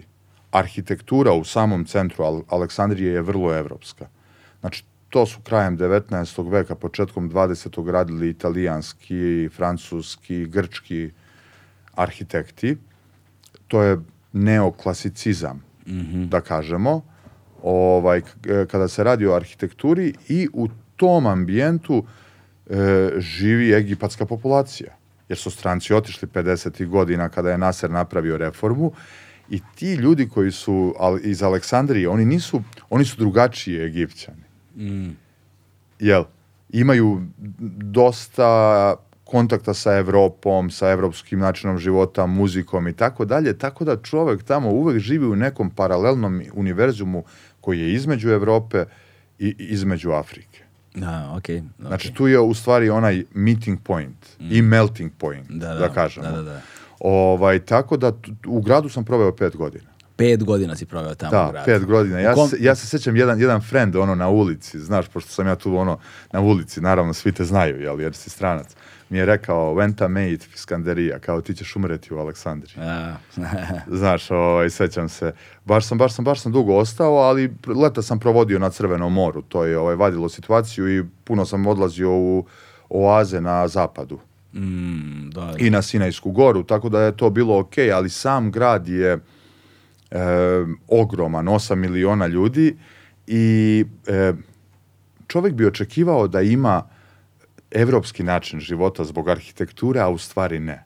da, da, da, da. Način života je jel blisko istočno severnoafrički isl, is- islamski jel tako da je to onako jedan e, A malo pre si rekao nešto, čini mi se da, da ne bude da smo permutovali, da Kairo ima 2,5 miliona. ne ne 25 miliona 25 miliona, Pardon, da, da, da, da, da. lapsus Da, lapsus, lapsus, da. 25 miliona je ono što oni znaju jel Da, da, da, da, da, da, da, da. Kapiraš? Da, da. Ali to je ono, bukvalno, zamisli, iz zemlje od 100 miliona, Mm. ostalih 75 miliona, Da, da, da. mora da izvadi ličnu kartu ili mu treba neki dokument. I to sve mora u Kairu. Da, i zamisli koliko tu ljudi dođe. Da, to je Dakle, haos. to je 25 miliona koji tamo verovatno žive, ali koliko tu ljudi dolazi na dnevnom nivou, to je, to je ne, ne- neopisivo. Mm, dobro, Znači, jedna ogromna košnica. E sad Aleksandrija 8 miliona. Da, Aleksandrija je 8 miliona i, i ono ako prilično je, e, raspro- e, znači ona se proteže duž cele obale.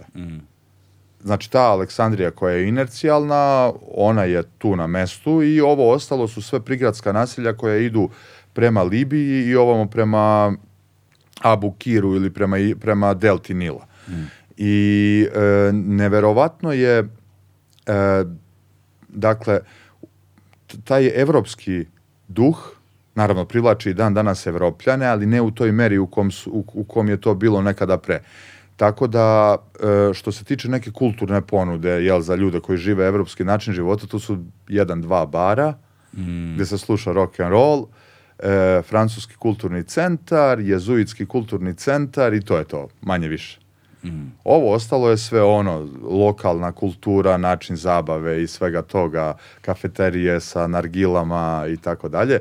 I tako da je tu čovek kada provodi toliko dugo vremena osuđen ili da bude izolovan kao, kako smo rekli, ekspat, ili da se pomeša sa tim ljudima i da, jel, živi taj način života.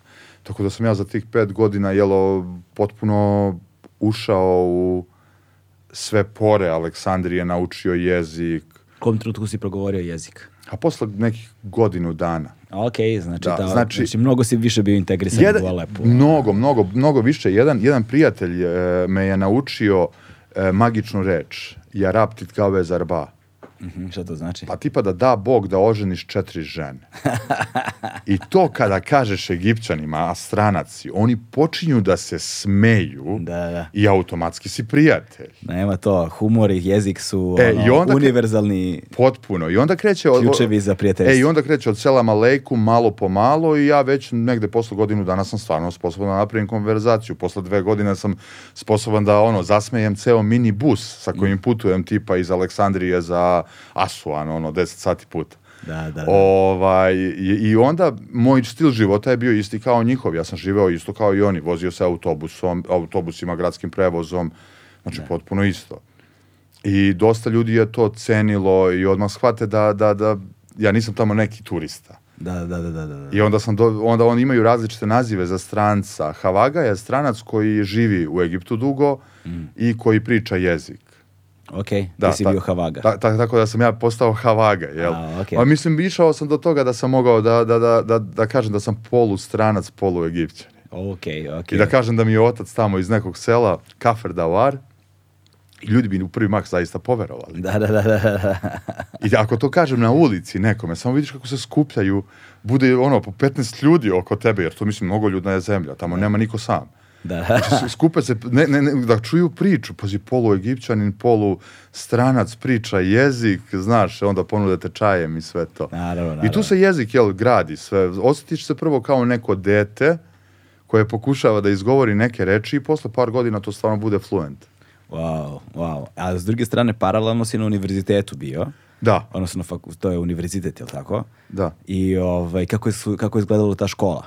Škola je fantastična. To je britanski kurikulum sa Southampton univerziteta, koji je taj egipatski profesor koji je tamo radio master i doktorski rad, uspeo preko jednog evropskog projekta da prenese u Aleksandriju i da otvori prvi akademski program u arapskom svetu za podvodnu arheologiju. Wow. I dođem mu, dođem mu ja, ono, kao prvi evropski student. Koliko dugo je ta, to- taj kurs postojao tamo prema što ti došao? E, godinu dana. Znači, to je sveže, to je tek nastalo. Tek bilo, nastalo, bukvalno, Tek da. nastalo, sve Egipćani i bupete, evo ga Srbin jedan. Da, i bila je, kažem ti, jedna devojka iz Tunisa koja, Ok. koja nije pričala engleski jezik. Ok, ok. Ovaj, tako da sam ja, evo, znaš, kao jedini lik iz Evrope tu došao i to je tako bilo ono zanimljivo, jel? Prvo studentima. Znaš, oče- očekivali bi nekog drugog, ne, nekoga iz Srbije, zemlja koja nema more. Zna, Da, da, da, da, da, po- da. podvodna arheologija, to, totalno ludilo. I sjajne kolege i koleginice, naravno, ve- veći broj koleginica nego kolega, oni dan danas rade, e, veliki deo te moje klase je profesor uspeo da zadrži tu na univerzitetu i oni Bravo. oni sada jel zajedno sa njim sve to vode. Ovaj dobili su i razne mogućnosti stipendija što u mom periodu nije bilo moguće. Tako da sam ja platio ceo program i e, A šta si radio tamo? Čega si živeo tamo dok si, rad, dok, dok si, dok si studirao? pa e, dakle kad sam došao imao sam neku malu ušteđevinu, Ok. a onda sam radio u jednoj internacionalnoj školi, predavao sam istoriju i društvene nauke, history and social science i radio sam za, to sam zaboravio da ti ispričam, e, dok sam bio u Grčkoj, upoznao, jedan prijatelj me je upoznao sa jednom osobom, jedan prijatelj koji je imao suvenirnicu. Ok. Ovaj, me je upoznao sa jednom osobom koja je bila član grčke arheološke ekspedicije u Aleksandriji. I ja sam već tada ostvario sa njima kontakt. Dok sam živeo na Tasusu i dok sam boravio u Grčkoj.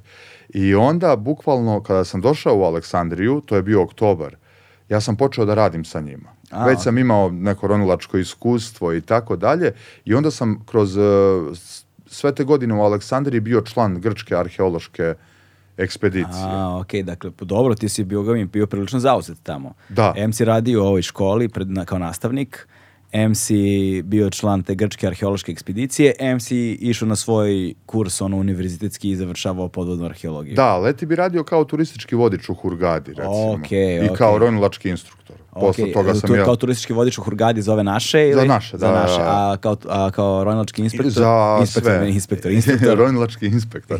Ronilač, ronilački instruktor. e, Radio sam za sve, za Britance, Francuze, različite. Okej, jel? okej, okej. Ovaj, I te dve profesije su se preklapale. Dakle, to je bilo nekih pet profesija u jednom trenutku, Od kojih si ti živeo? da, od kojih sam živeo. Wow. Ovaj, I to je sve bilo, jel, splet raznih nekih okolnosti, ovaj, do kojih sam neki put svesno sebe dovodio, a neki put su se same tako dešavale. Ovaj, I, jel, sve do- dok je to teklo, ono, od negde oktobra do maja bi bio u Aleksandriji i onda bi u maju otišao na Crveno more i tamo bi radio kao vodič ili kao, kao ovaj, ro- ronilački instruktor. I to mi je negde takođe bilo žao, jel dok sam radio kao vodič, to su tako fantastična mesta, pored onih komercijalnih, Da. koje ti ljudi koji dođu u Egipat zaista ne vide. I to mi je baš onako, jer ja, ja uvek tražim nešto više, uvek mi je bilo žao zašto turisti koji dođu u Egipat odu samo na piramide i samo u Luksor. Ima tu još sjajnih, sjajnih mesta koje mogu da posete, ali to je neka druga priča. Ovaj, Daj, navedi neka mesta za one koji planiraju da idu u Egipat sada. a recimo Siva oaza, Bahrej, e, Bahareja oaza, zatim e, Dahla, e, Asuan, Abu Simbel, Etfu, Komombo, oni su između Luksora i Asuana, sela i sa hramovima, zatim Dendera, e, ovamo kada se ide na sever, Sveta Katarina selo, e, zatim e, grad, Port Said i Suec, Ibrahimeja takođe, Ismaileja, pa, pardon, i gradovi, recimo Marsa Matruh prema libijskoj granici. Mislim, sve je to dosta različito na jugu, na severu, ali je... Treba i poraviti tamo duže Da, vreme. treba duže vremena, svakako. Mislim, te, to su komercijalne ture gde ljudi odu, vide piramide, vide muzej u nekom vremenu od nekih 8 sati sve zajedno. Ovaj, svakako super iskustvo, ali, ali e, zemlja nudi mnogo, mnogo, mnogo više. To je ono, mislim, treba ceo život da se ispriča čitava ta priča o toj zemlji. Da, da, da, da, da, da, da. Oni doživlja i pustinje, recimo na zapadu su fascinantni, to je bila jedna isto strast ogromna koja se javila tamo, ovaj, da, da se vratim na arheologiju. Čekaj, reci mi, sad me, sad me zanimaju, zanimaju doživljaje u pustinji, pa ćemo se vratiti na arheologiju. to je E. lepota ovog formata, znaš, možemo pričamo kako hoćemo, tako da ne, Okej. ne trošiš ničije vreme. E, Blues for Allah, Grateful Dead. Ok, E, znači, odlazim prvi put u Sivu e, da vidim oazu. To je oaza gde je Aleksandar Makedonski postao polubog. ok. Gde mu je onaj prvosveštenik kulta Amona, jel, pokazao, da kažemo, servilnost i proglasio ga, da kažemo, polubogom, sinom Amona Ra i tako dalje. Jedno neverovatno mesto u kome živi berbersko stanovništvo, koje nisu Egipćani i govore sivi jezik, odnosno berberski dijalekt. I žive jel kao jedna totalno nezavisna zajednica koja je 300 km otprilike od Mediterana i 600 km od Aleksandrije u centru pustinje. U, u, u, u, u severnom delu toga što oni zovu Grand Sensi, veliko peščano more. Od, od tada tu kreće e, pustinja da bude ono kako je zamišljamo, samo dine. Aha, da, da, da. da. E, i Oni o- su na toj granici. ono. Da, da, oni su na granici, to je nekih možda 450, sad, sad ću lupiti broj, e, daljina od Libije. I ja tamo upoznajem Ibrahima, e, koji ima Land Rovere i koji organizuje prelaze za Libiju, put, mislim, zna čovjek, jako često putuje pustinjom. I ja od tada krećem, jel, da, in, i da investiram, ono, ali krećem zaista da trošim novac na to. Da se voziš džipovima Da, po sa njima. Neki put bi ono bila neka, ne- ne- neko priključenje nekoj njihovoj turi, a neki put bi ja to inicirao ono čisto iz želje, jer sam želeo tako mnogo da vidim Gilf Kebir, to je e, granica Egipta i Libije na jugu. To je ta velika kao planinska barijera, e, bukvalno, jel, na, na, na, pa da, to je otprilike e, tromeđa sa Čadom.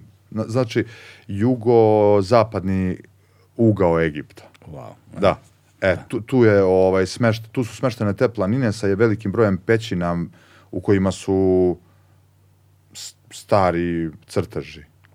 Tu je onaj Cave of Swimmers sa kojim počinje engleski pacijent, recimo. Da, da, da, da, da, da. Ovaj, ali ne samo to, mi smo išli za Severni Sudan, išli smo za Kufra, oazu u Libiji, to je vreme kad je u Libiji bio građanski rat, znači to pričam 2012. Ti, recimo. brate, samo za građanskim ratovima ideš.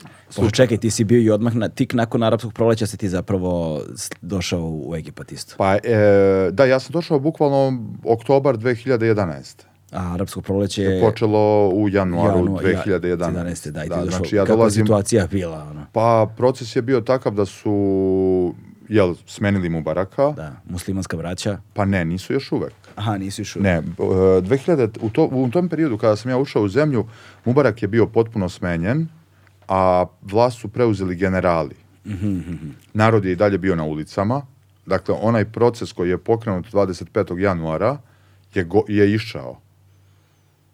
I muslimanska braća su izašla iz zatvora i krenulo je priprema izbora. Prvih demokratskih izbora. Posle nekoliko decenija Mubarakove vlasti. Tako da je bilo izuzetno turbulentno vreme politički. Da. I mislim- Kako je to iz tvog ugla izgledalo? Pa iz mog ugla, Kao stranca tamo. pa sad ja nisam svakakva, nisam ni bilo koji stranac, ja sam stranac koji je to već preživeo sve. Da, da, da, da, da. 90. jel, ceo taj paket iskustva, 5. oktobar, znaš, čitav taj proces sam ispala, ispratio ovde. Mm. Reakcija određenih delova sistema, pacifikacija, reakcija, pacifikacija, smirivanje, zaokruživanje nove vladarske garniture i tako dalje. Svi ti procesi su e, i sve te procese sam ispratio i u Egiptu, jer, jer sam bio bukvalno tamo negde do 2015. 16. dok e, se nije formirala, formirala ponovo stabilnost. Dakle, proveo sam e, tamo čitav taj period arapskog proleća, od pada Mubaraka do dolaza, dolaska El Sisija na vlast. Ok, ok, ok, ok. Vrlo na momente tragičan po zemlju, na momente sam bio fasciniran koliko su oni uspeli da budu obuzdani u svemu tome, u svim tim izazovima kao narod. Mm. Recimo, zanimljiva je činjenica da se kriminal nije povećao. Dakle, ja sam bio prilično siguran u svim tim predgrađima, selima i Da. tim e, jel, mestima u kojima sam dolazio i prolazio, nikada nisam se osjetio nebezbedno. Da, da, da. Tako da su, recimo, e, kada se desila promena i kada je otišao Mubarak, religija je počela da dobija, jel, na značaju. Ljudi su postali neverovatno religiozni i svesni da prate pravila. I to je razlog zašto kriminal nije porastao. Zašto se nije desila ono, da ne kažem anarhija, jel, nego nekontrolisani haos. Dakle, sve je ipak bilo u kontroli. Iako je to bilo previše negativnih e, vesti u medijima i sve ta, i tako dalje, ali to su mediji, to je jedna slika. Tamo ipak, pored tih incidenata, je postojala kontrola. Onda su muslimanska braća došla na vlast i onda je krenuo drugi proces, a to je da muslimanska braća odu sa vlasti i taj proces se završio i sada je predsjednik El Sisi i to je sve u, sta- u stabilnosti. Mm, mm, mm. Dobro, da. Da. Tako da Ovaj- sam ispratio sve te procese i dok se to sve dešavalo, jel, ja sam dosta putovao kroz zemlju i eto, imao sam prilike, jel, da, da baš dobro pogledam zapadnu pustinju. To je bilo nekih, ako se ne varam, danas pet ekspedicija koje smo Ibrahim i ja i, i još jedan prijatelj Amr napravili. Wow. Da, uvek smo išli sa tri džipa ili četiri džipa i to je trajalo neki put po mesec dana. Dobar život, dobar život. Sada pitanje koje se meni odmah nameće o, jeste, uh, si spavao u pustinji? Pa da, tih mesec dana je spavanje u hotelu od milion zvezda. Ha, to, e, to, Da. te pitam, kako izgleda zvezdana noć u pustinji? Ono, čitava galaksija se vidi, mlečni put savršeno, mislim zagađenje je nula, ne postoji. Da, da, da, da. da. Svetlosno zagađenje i onda zaista tih e, koliko je nama najduže trebalo, nekih 29 dana da odemo do, do dole Gif, Gilf, Gilfbira i da se vratimo do te velike barijere na jugu, to je spavanje na polju. Eventualno u kolima ako je vetrovito ili tako nešto, ali pošto smo imali dobro vreme tokom celog putovanja, uglavnom smo noću provodili čak i bez šatora. Wow, Nego je bukvalno ono, sklopiš oči, posle pogleda na hotel od milion zvezda. Da, koliko pada, koliko, koliko pada temperatura tamo u noći? A recimo da je 2-3 stepena noć. Da, dva, tri, znači ipak je, Da, da, da, moraš, moraš da se malo utopliš i obučeš. da, preko dana Preko dana je, 40. pa dobro, ovaj period koji smo mi bili je bilo rano proleće, ali recimo da u toliko. avgustu bude 65. Wow, dakle, to je ludilo. Da, sećam se da je ovaj, pošto sam ja ono u avgustu često boravio tu u Oazi, u Sivi, e, da smo često merili ono na otvorenom van hlada 65 stepeni. Ali to je bukvalno ono, kupiš recimo plavu majicu. Tebi posle dva dana je ta majica cela onako ljubičasto, ne znam kako bi rekao, svetlo plava. Da, da, da. Znači sa gori boja, skroz ono od UV zračenja. I nije vrućina jer je suv vazduh, već je zaista sunčevo zračenje toliko jako da neki put se ja pitam kako su mogli da ga slave. Da, da, da, da, da. Znaš ono kao sunčev disk. Amon Ra i sve to, zaista je neverovatno koliko je jako. I uvek si ono u dugo, dugim rukavima, uvek si jako dobro obučen da bi se zaštitio od zračenja. I nema, nema vrućine. Mm, mm, zanimljivo. Da. Zanimljivo, vrlo zanimljivo. A prelazi su dakle veliko peščano more. Neverovatno je jer jer ja sam to uvek zamišljao kao jedno nepregledno peščano dno. Kako peščano dno izgleda sa onim dinama od talasa. Međutim, e, predeli na koje smo mi nailazili su zaista nestvarni. E, e, eolska erozija, odnosno vetar je oduvao taj pesak i otkrio je neke formacije krečnjaka, bazalta. Tako da ulaziš u jednom momentu u deo gde je e, pustinja potpuno bela i ima kreš, krečnjačko, ja bih rekao ono kada pogledaš kao drveće, ali to, to je u stvari tako e, od vetra i, i, i, e, izvajan krečnjak koji deluje kao drvo, ima stablo i onda se gore ovako grana jedan ogroman, ogromna krošnja koja ima različite kamenje u sebi, jel, koje je nastalo ovaj, e, u tim geomorfološkim procesima. Tako da je never, ne, ne- predeli su toliko neverovatni da bi ja volao ponovo da se vratim tamo. A, Okej, okej, da, ili za neki od nas da prvi put samo odemo tamo. Da, da, da, a, recimo i onda posle takvih prelaza recimo dolazak u Kufru mi je bio fan, fantastičan, to je jug Libije, oaza u kojoj je Gaddafi pokušao da napravi plodnu zemlju. I ta plodna zemlja izgleda kao saće. Odnosno, mislim, ono, parcele su kao honeycombs. Da, kao, kao, kao saće, Kao saće, pčelinje, da, kao pčelinje saće, da, da, da. čel- čelne saće sa irigacijom iz nekih bunara i tako dalje. Čak i on tu pokušavao da uradi ono e, solarne panele i sve je to stalo. To je bio znači period e, mira posle njegovog ubistva. Kada smo mi otišli tamo, dakle to je već bilo nešto ono pacifikovano prilično i dalje su jel ono deca nosila oružje i tako dalje, ali ali je bilo sigurno, bilo je mirno. Ali e, stara oaza je fantastična. To je zaista onako, to je baš onako daleko od svake civilizacije ta kufra. Nije kao Siva. Siva ima kontakt sa Aleksandrijom, pa ima kontakt sa Marsama Truhom. Ovo je zaista izolovano u sred, u sred peska.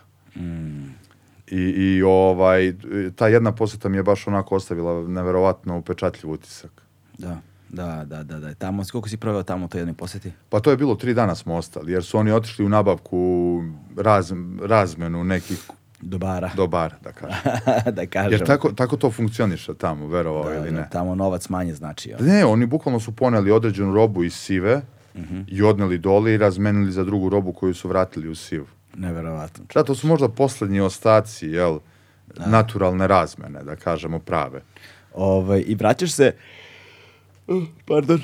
Vraćaš se, ovaj, vraćaš se, dakle, um, vraćamo se, pardon, stao mi mozak, dakle, vraćamo se na podvodnu arheologiju, dakle, vraćamo se na tvoj univerzitet i vraćamo se na tvoje studiranje i ovaj, ti tamo treba da pred, treba, imaš jedan, jednu godinu istraživačkog rada, ali tako? Da.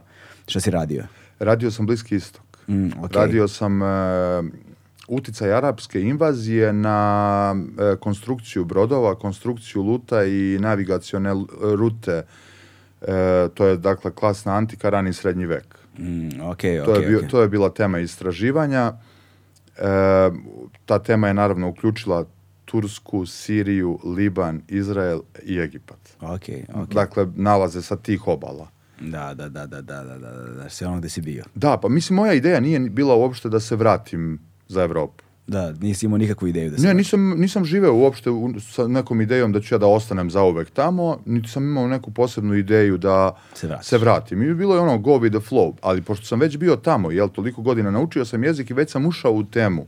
Mm -hmm pomorskih aktivnosti duž bliskoistočne obale i to je bio takođe predmet i samih studija, jer je to bilo u Aleksandriji, tako da su i profesori dolazili iz regiona, iz Libana, e, e, britanski profesori koji su se bavili orijentom u kontekstu podvodne arheologije, zatim e, moji sami profesori tamo egipćani sa njihovim projektima. Ja sam negde prirodno ušao jel, u, ce, u celu tu dinamiku i krenuo da radim. E, teza je dobila ne baš sponzorstvo, ali je bila podržana od Honor Frost fondacije iz Velike Britanije, koju je osnovala e, Honor Frost. Ona je bila pionir bliskoistočne podvodne arheologije i tako da sam ja je imao mogućnost da, izdra, da istražujem u Izraelu, u Libanu, u Turskoj i ponovo da se vratim jel, u Aleksandriju i tamo da sve to zaokružim. I to je profesionalno jedno fantastično iskustvo gde sam ja upoznao jel, sve te kolege i posle toga se vraćao da radim sa njima na projektima u godinama koje će doći ovaj, posle napuštanja Egipta i dan danas me dosta onako veže za taj deo sveta i ne mogu da ti kažem da nemam stvarno emocije prema, prema Da. tim zemljama. Kako da ih nemaš, čoveče, koliko si tamo vremena proveo, koliko intenz, i koliko intenzivnog vremena. Jer intenzivno vreme se računa puta 10, puta 1000, puta 100, nemam pojma, znaš, ali ono, kad god otputuješ negde, kad god neko otputuje negde i odeš, odeš poslom, odeš da radiš, dan se računa ko sedam dana.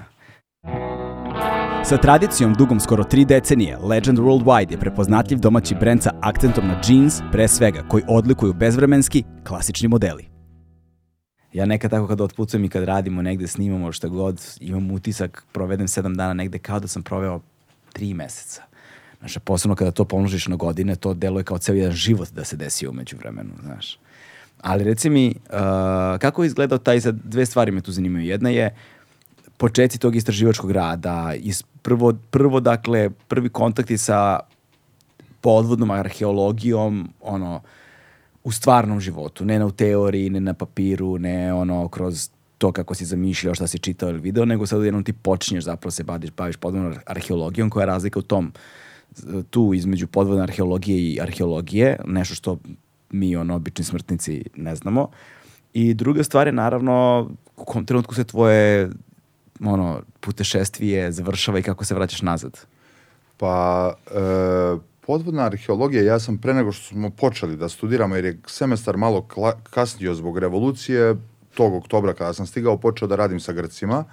I to je jel, bio moj prvi kontakt sa podvodnom arheologijom, sa nekim jel, kamenim sidrima, antičkim, sa delovima amfora i tako dalje, da sam ja onako prilično jel, neuk u to vreme, bez nekog posebnog iskustva, osim ronilačkog iskustva, se tu ovaj, našao jel, kao neko ko treba tu da im pomogne oko nekih stvari, eventualno nešto nacrta i tako dalje. I bilo mi je vrlo zanimljivo. To su bile male dubine tu baš ovaj, u blizini Aleksandrijske luke, jer je grčka misija držala od e, Aleksandrijske istočne luke, koja je jel, antička luka Aleksandrije, pa sve ovamo do tog mesta Abu Kir, to je nekih 20 km obale. Tako da smo mi radili i pro, prospekciju same obale, rekognosciranje, ne znam, pokušali smo da e, pronađemo neke pećine koje su možda pomorci koristili i, ta, i pored ronjenja, jel? To je to takođe podrazumeva i taj ob, obalski deo pomorske arheologije. Da, s druge strane zanima me takođe kakav je uticaj mora, slana, slane vode, jel te, i svega onoga erozije i ostalih stvari u, u, u, u slučaju kada je arheologija u pitanju. Znaš, kako se, kako se ti artefakti ponašaju, jel te, kroz vreme pod vodom u odnosu na, u odnosu na klasičnu arheologiju. Ovaj, da li ima nekih prednosti, da li ima, da li ima nekih mana. A, ovaj, i, I druga stvar je um, ono što je vrlo zanimljivo iz ono malo što sam video jel, od podvodne arheologije, najveći pronalasci su u pličacima. Na, prosto da zapravo da se taj pesak i ta zemljište se nanosi sa talasima i da u suštini kad vidiš da nešto malo viri u pličaku to može da bude veliko otkriće. E, mi kažemo da u plićaku ili je pokriveno ili je pokradeno. A, okej. Ima smisla. E, I onda kada je pokriveno, to je zaista fenomenalno otkriće. Mm, Ali razlika je, dakle, kako se razvijala nauka? Nauku je, da kažemo, ustanovio ili uobličio jedan novinar iz Amerike, Peter Throckmorton, koji je putovao po Turskoj i slučajno naleteo na ribare, ove lovce na sunđere, koji su mu pokazali jedan lokalitet gde je on prepoznao e, predmete koji korespondiraju crtežima sa egipatskih e, reljefa. I onda je pozvao Đorđa Basa, arheologa, koji je shvatio da mora da nauči da roni. Da, Jer je to jedno potpuno drugo agregatno stanje. I sada George Bass je primetnio arheološku metodologiju, arheološke nauke samo pod vodom. E, sada razvojem, jel, čitave discipline tu e, počinje da se shvata da je neophodna jedna široka multidisciplinarnost kako bi se jel, došlo do dobrih naučnih tačnih saznanja, ali u isto vreme tim mora da zna mnogo više od arheologije. Mora da zna podvodne tehnologije, ronjenje, mora da zna jel, različite e, uticaje koje more ima na morsko dno i na lokalitet. Tako da dolazimo do drugačijeg formiranja samog lokaliteta pod vodom. Zatim svakako materijali različiti su pogotovo biorazgradivi materijali su prilično nepostojani pod vodom i oni, oni nestaju vrlo brzo, ostaje keramika, e, metal e, koji takođe inkrustrira i pri inkrustraciji, odnosno kalcifikaciji počinje unutra da se pretvara u prah i da nestaje. Tako da je veliki izazov raditi tako nešto prvo e, kao osoba koja se nalazi u okruženju u kome ljudi ne žive, jel, pod vodom, a sa druge strane e, raditi nauku koja je jel, potpuno dizajnirana za, u to vreme tradicionalno za kopno, za kopnenu arheologiju, raditi mapiranja, dokumentaciju dole i sve tako, je neverovatan izazov. Tako da, pored tog saznanja, istraživač se e, susreće i sa onim ograničenjima koje donosi boravak pod vodnom, ronjenje, malo vremena, malo e, mešavine za disanje, često i loše vreme, struje, mora. Jasno, jasno, Da. jasno, jasno, da, da, da, da. Tako da je to jedna zaista, ja, ja uvek volim da kažem da je to sve više od arheologije ili podvodne arheologije, zaista je kompleksna priča u kojoj čovek zaista mora da bude onako negde em, i obazriv i pažljiv da preuzme određene odgovornosti i rizike, a u isto vreme da dođe do naučnog rezultata. To mi deluje kao vrlo mali klub na, na svetskom nivou. Pa vrlo, vrlo mala zajednica i svi se znamo. Svi se znate, svi Da, da. podvodni arheolozi se znate Da, da, dobro. bukvalno jer smo svi, pogotovo ljudi koji su, jel, džipsi, kao ja. Da, da, da. Ja sam prošetao kroz neke od najboljih projekata na Mediteranu u zadnjih deset godina. Da. I onda tu upoznate sve ljude koji su, da kažemo, lideri u, u, u, u nekoj disciplini koja se sve vreme nadograđuje i menja. Mm. Dakle, sada podvodna arheologija, e, ona podvodna arheologija koju sam ja počeo da praktikujem pre deseta godina i podvodna arheologija danas su dosta metodološki različite. Zbog tehnologije, zbog e, Da, znači- znači dostupnosti većih dubina. Dakle, govorimo mi u suštini o jednoj vrlo mladoj nauci Da. koja, dož- koja je i dalje u procesu evolucije, ono, razvoja svojih, ono, svo- svojih disciplina i metodologija. Metodologija pre svega što se tehnologija napreduje prosto i od te, a od te tehnologije zavisi. Dakle, ono što je, što je meni delovalo neverovatno, recimo, kao nekome iz Srbije, a to je da ja uopšte imam priliku da studiram podvodnu arheologiju. Tako mi je dok sam studirao podvodnu arheologiju delovalo potpuno neverovatno da ja koristim robote ili podmornice, što sam koristio posle 10 godina. Wow, da. Dakle, toliko, toliko se to munjevito razvija da je to neverovatno. I pro- projekti su sve interesantni, sve su dublji, sve su e, zanimljivi nalazi. Kažu da je podmor je najveći muzej na svetu. I to je definitivno tačno, jer e, brod je nekada bio najsavršenija mašina, najkompleksnija i najsavršenija mašina gde ekipa spakuje svoj život i krene Da. da trguje. Da, da, da, dam ti daš mi, znači naturalna razmena, lagano plove obalno obalom i bukvalno tu dolazi do ogromne kulturološke razmene gde u nesrećnom slučaju potonuća tog broda se formira lokalitet koji ima materijal koji pripada jednom spektru naroda na jednoj recimo obali kao što je istočni Mediteran. Da, da, da, da. Jesi li pratio onda ovo što su išli da podmornicom do Titanika? Da, da, ja, naravno. Da, da. Naravno, kako, kako, naravno. je- kako je u glednog podvodnog arheologa to, ta priča deluje? Pa e, neadekvatan e, tehnološki ne, neadekvatan izbor tehnoloških rešenja za podmornicu. Mm, ok, ok, ok. Ne, ne bih znao šta da... Pa ne, tipa e, podmornice e, koje rone te dubine, one su uvek sfere. Aha, ok. Dakle, niko više nikada nije pokušao da eksperimentiše sa nečim što ima Bilo koji drugi oblik. cilindričan oblik ili bilo koji drugi oblik. Dakle, i ovo Viktor Veskovo što je ronio pet najdubljih tačaka okeana je ronio u titanijumskoj sferi. Aha, ok, jasno. Sad kad, kad tako pričaš, onda mi od- onda počne da ima smisla. Da. Dakle, sfera mora da bude verovatno zbog ogromnog pritiska pod kojim se nalazi. I Da. onda, I onda je taj pritisak na sferu ravnomeran. totalno ravnomeran i on je bukvalno zatvara do momenta neelastičnosti i to je lok i to je to. Da, aha, aha, da, da, da. Znači, taj Da. pritisak sa svih strana zapravo ravnomerno deluje. Da. I onda, koliko se zapravo te sfera skupi? Koji su to materijali? Pa Kako recimo, e, ja sam ronio e, te podmornice koje proizvodi Triton Subs iz Amerike, to je možda i najozbiljnija kompanija koja se time bavi. E, to su znači e, sertifikovane podmornice do dubine od 1000 metara, e, kabina, odnosno komora je sfera od akrilika. I akrilik je zaista velike širine. Tipa govorimo o širini od 20-25 cm.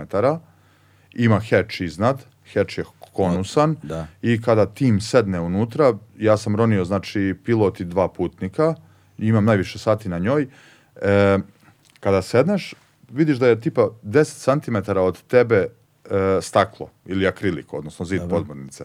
Na 100 metara dubine vidiš da je to dosta bliže. Mm, da, Znači ona se već na 100 metara dubine, znaš, skuplja jer je akti- Wow. akrilik elastičan Već ima i, he- i, i hatch izlazi polako jer je konusan, da bi mogao akrilik da se skupi da radi. da. Wow. Da, Kako tako s- obično kad sedneš u te podmornice uvijek vidiš ovako ogrebotine sa strane od sata. Jer ob- obično ljudi nisu svesni da se da se, komo- da se skuplja. Da, da, I da. onda ono zakače, znaš, akrilik je izuzetno fragilan. Mm. Ovaj, lako, lako ostaju ogrebotine od njega. Tako da je to ono tehnološki, jel, ono radi na baterije, ima brzinu od tri čvora, ima ruku, ima malu kameru robota koja izlazi pa može da uđe u neke e, Pukotine pukotine, zatvorene predele. Ovaj, fantastična stvar. I to je donelo danas arheologiju pod, podmorja u potpuno neku novu fazu. Wow, kakav je osjećaj roniti u tako nečemu? E, savršen. Znači, To, ne, ne, dakle- sve sam dakle- očekivao dakle- da tributa, ali to nisam. Ne, ne, ne, ali, ne, ne, kada prođeš fazu rekreativnog ronjenja, pa onda uđeš u tehničko ronjenje, gde ono, tipa, imaš check listu, imaš masu stvari koju moraš da zakačiš na sebe, da nosiš, tri, po tri instrumenta na kojima ma- pratiš parametre, e, moraš da uradiš switch gasova ili da zameniš gasove na određenoj dubini kako to zahteva režim ili profil ronjenja i tako dalje, dosta stvari i odgovornosti na tebi. Moraš pored svega toga dole da uradiš posao. Da, da, da, da. Eto i uvek znaš kao koliko posla možeš da uradiš za tipa 20, 30, 40 minuta na nekoj dubini od preko 50 metara i tako I dalje. onda ako si toliko duboko, koliko dugo izlaziš? Apsolutno. Znači ti Pod- mnogo duže izlaziš i sve nego što zapravo radiš posao. Pa da. Da, da, da. Dakle, na 100 metara ako si dole 20 minuta, izlazak je od 2,5 do 3,5 sata. Wow, jebote, da. U najsavršenijim... Poneseš knjigu da čitaš. Pa, e, e, e, ja sam viđao ljude koji spavaju. Znači, u najsavršenijim... Stvarno, da, spavaju? Da, da, znači, ono, na, pošto to kao neke merdevine na kojima ti, ono, tipa visiš Mhm. to vreme, znači, kolega, ono, sedne na merdevine, obmota se rukom, zakači se John Lineom, to je kao linija sa karabinerom, i vidim ga da kunta. Kapiraš? Dve Šta- čuke, dve i po čuke. Ta je ljudsko biće, Ne, a? ne, neverovatno. A mislim, to je ozbiljno, o, o- može da bude opasno, ali tu je tim, pa se sve to prati, ne, nebitno. Šta je ali, ali u, ljudsko u, biće? u podmornicu ti uđeš kao džentlmen, ono, znaš, Da. košulje, pantalone, znaš, do, uzmeš piće, staviš tu pored i krećemo. Wow, ali čekaj, ali koliko je veliki taj prostor u kojem ti sediš? Sasvim dovoljan. Znači, ovako kao ovde kod tebe, možda malo oko me, sasvim komforan. Ok, i kad se to skupi, Kad se to skupi, to, to dođe, znači, na nekih, sa 10 santima na 5 santima. i ne osjećaš Ma klaustrofobiju ne, nikakvu? nema, nema, to je 360 stepeni otvoreno oko tebe. Ti sve vidiš.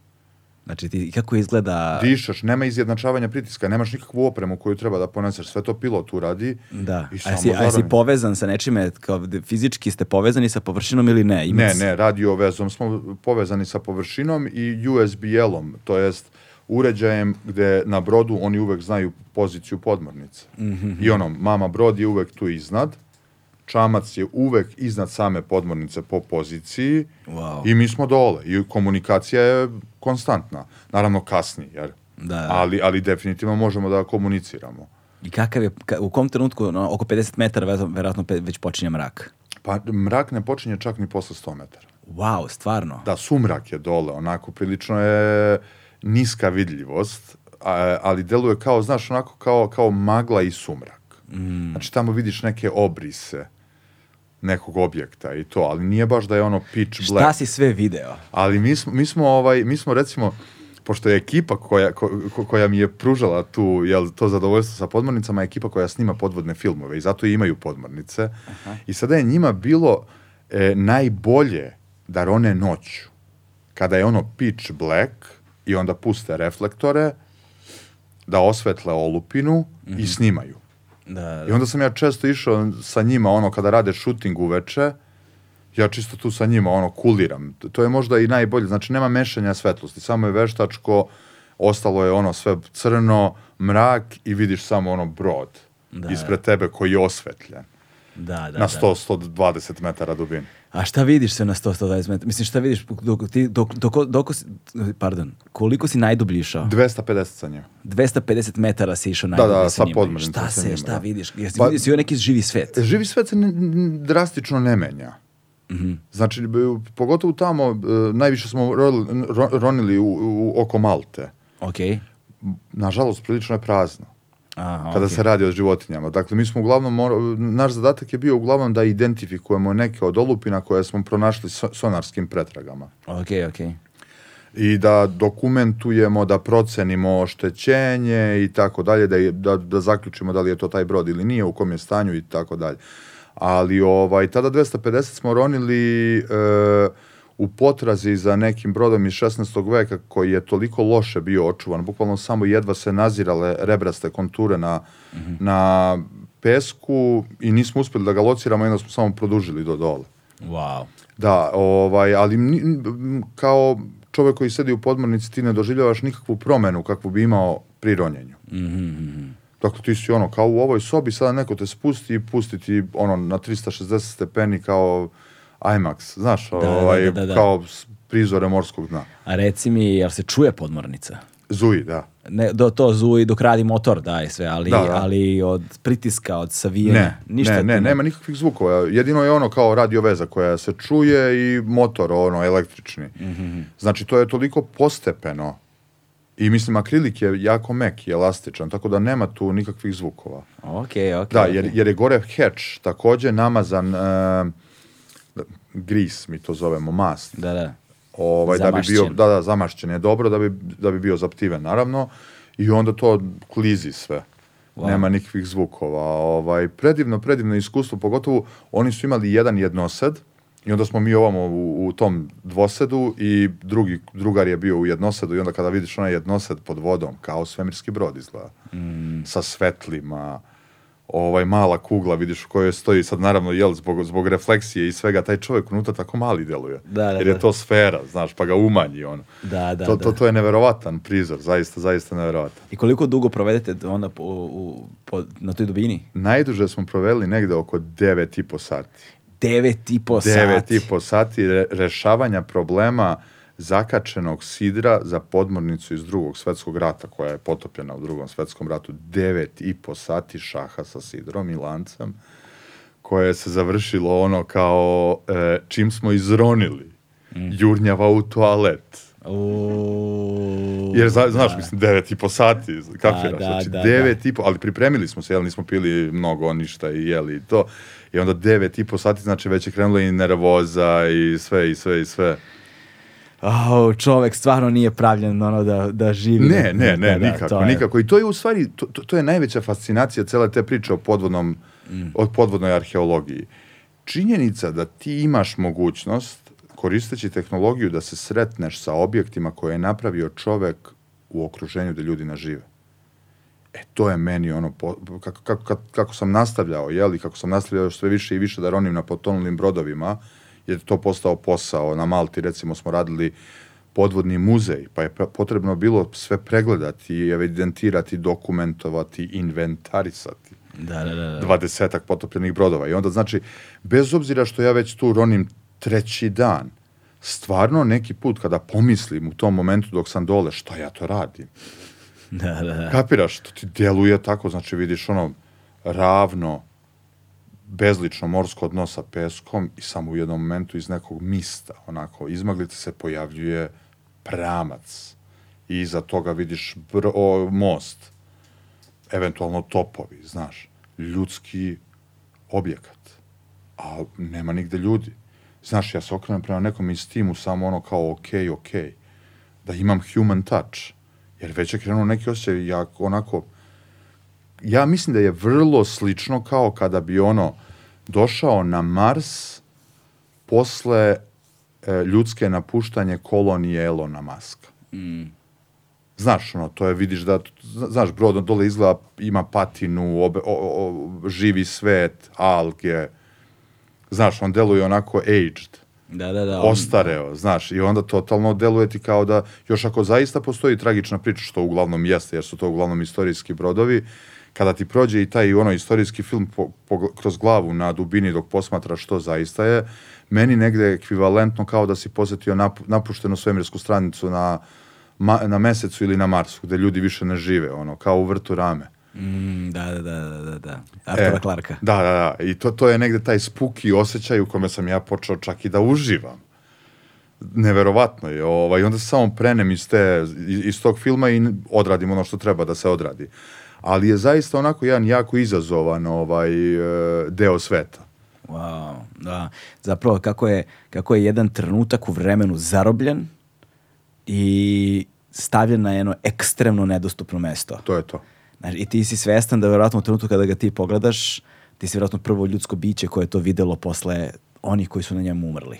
Da, pa bilo je, bilo je nekoliko lokaliteta gde, gde sam ja i tim, gde smo mi zaista bili prva ljudska bića koji pose, posećuju to pošto su oni umrli. Da, video sam sada, skoro sam video na Netflixu, ima sjajan a, dokumentarac o najstarijoj grobnici, najstarijoj piramidi koja je otkrivena na svetu, ovog legendarnog a, egipatskog arheologa. Zahi Hawaz. E, jeste, bravo, njegov, njegov, kakav je on, ono, a, a, Jack, evo te ono, sa tompusima i šeširima u luksuznim resortima, ali koliko sam razumeo, on je, on je tata svima tamo. Da, da, sjajan, sjajan je, ovaj, ali, ali nevero, to, to još, još, meni je to još jača, znaš, ovaj, još, mislim, zato ljudi verovatno hrle u egiptologiju, Mm. jer pored tog e, dodira, e, imaš dodir sa nečim što je zaista drugačija kultura. Mm, da, da. I onda kad ulaze u grobnicu, kad su oni prvi ljudi u toj grobnici posle koliko hiljada godina. Znaš, kao taj osjećaj. Potpuno neverovatno. Ne, Potpuno. neverovatno. I dobro su ga prikazali u tom dokumentarcu. Sjetit ću se kako se zove možda do kraja ovog razgovora, pa da preporučim ljudima. Da, e, Ali je Egipat i dan danas nudi takve stvari. Mm, da, da, da. Pa ovo je novo. Ovo se, ovo se skoro desilo. Zapravo, Znači, da. Egipat i dan danas nudi takve stvari. Egipat je definitivno zemlja od koje mi možda znamo sada možda 50%. Da, da. Sad neću da preterujem, da lupetam, ali, se ali zaista, da, da. da, ali, ali zaista je to zemlja koja nudi i dalje Mm. Velika otkrića. Pitanje za tebe, a, kom trenutku, sa- sad, je, sad si pomenuo si radio na Malti, prosto u celoj ovoj, celoj ovoj sumanutoj priči Malta, Malta nije ni na radaru, znaš, kako da, tako da, Ma nikada nije bila. da, Ne, kako, ne, ne. kao ni ostale stvari. Kako si završio na Malti? Ajde pre toga kako si završio na Malti, u kom trenutku ti zapravo shvataš da nećeš više biti u Egiptu? Pa, e, znači, situacija u Egiptu postaje već zaista, da kažemo, ne beznadežna, ali zemlja je u nekom procesu, jel, turizam je za te godine dva puta zaustavljen. Dakle, prvo je išla ona prva revolucija kada je Mubarak pao, onda je išla druga revolucija kada je došao Muslim- predsjednik e, LCC. LCC, ok. Tokom muslimanske braće je bio taj tranzicioni period, jel, da ljudi nisu imali više poverenja da dolaze tamo. E, tokom perioda uspostavljena vlasti od strane LCC-a, jel, i ponovog formiranja stabilnosti dolazi do onih incidenata sa teroristima i sve to. I ja negde sve više i više vidim da ne, ne znam šta bih više radio tu. Ovaj, pogotovo jer su se i em, proredile arheološke ekspedicije, Grci su već post, počeli da prestaju da dolaze malo po malo i ja shvatam da je jednostavno neophodno da se ovaj, spakuje ranac, pokloni sve što imam, Poklonio si sve što da, imaš. da, sve, sve, sve i vratio sam se za Evropu u istom tom rancu u kom sam otišao. A gdje si se vratio? E, Vratio sam se u Trst, bio sam tamo nekih šest meseci. Aklimatizovao sam da, Evropu aklimatio ponovo. sam na- znači to, to, to, to je bio jedan potpuni kulturni šok. Dakle, od, od tog nekog ovaj, e, kontinuiranog života na Bliskom istoku, ja u danu, znači to je bila odluka u danu, i narednih dva dana putovanja ja dolazim u Trst gde je ono, auta su parkirana u liniji, Da, nogavice su popeglane na liniju, da, da. Kapiraš, znači sve je ono. I tako da tu mi je bilo onako, malo sam se osjetio neadekvatnim, jer posle pet godina u Egiptu se jede rukama, znaš, totalno je drugačiji ovaj, kulturni, kulturni setup i scena. E, nekako, onda t- dok, dok sam bio u Trstu, ponovo sam otišao na jedno putovanje Bliskim istokom, pa sam onda došao malo preko Balkana i tako dalje, da bi e, odlučio da odem za Južnu Ameriku na godinu dana i da se bukvalno skinem sa kriznih područja. Našao si u Južnoj Americi to da radiš. Pa da. Jer, jer tamo kao, znaš, tamo nije bilo rata 200 godina. Lupam nekog na kontinentu, da su oni negde između sebe zavađeni, da imaju neke probleme. I onda mi je bila želja kao, hajde da vidim ceo kontinent i otputovao sam, to je bila zima e, za Buenos Aires, tamo je počelo leto. I onda sam živeo u Buenos Airesu tri meseca, spustio se u, šu, u Šuaje i narednih godinu dana putovao Patagonijom, Argentinom i Čileom, pa sam posle prešao e, na Atakamu. Brazil nisam puno video. E, Bolivija i Peru je bio ono jedan dobar, veliki fokus i zaista jedno onako uživanje dugog, sporog putovanja. Wow, da. I kako se ti taj moj iskustvo bila? A podvodnom arheologijom ništa. Ne, tu sam, e, održao sam jedno predavanje u Buenos Airesu na njihovom institutu za antropologiju, upoznao sve ovaj e, kolege, oni su mi predstavili sve projekte, čak sam isvratio jedan dan dok su radili u Patagoniji.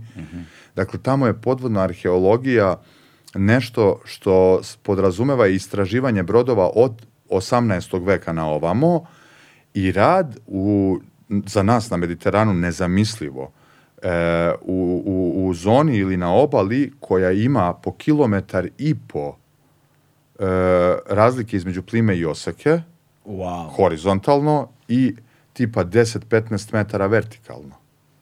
Da, da, Okean. da, da, da, okean, da. Tako da kada ih ja pitam, pa dobro, ovaj lokalitet je pod vodom, kao da, jeste sada.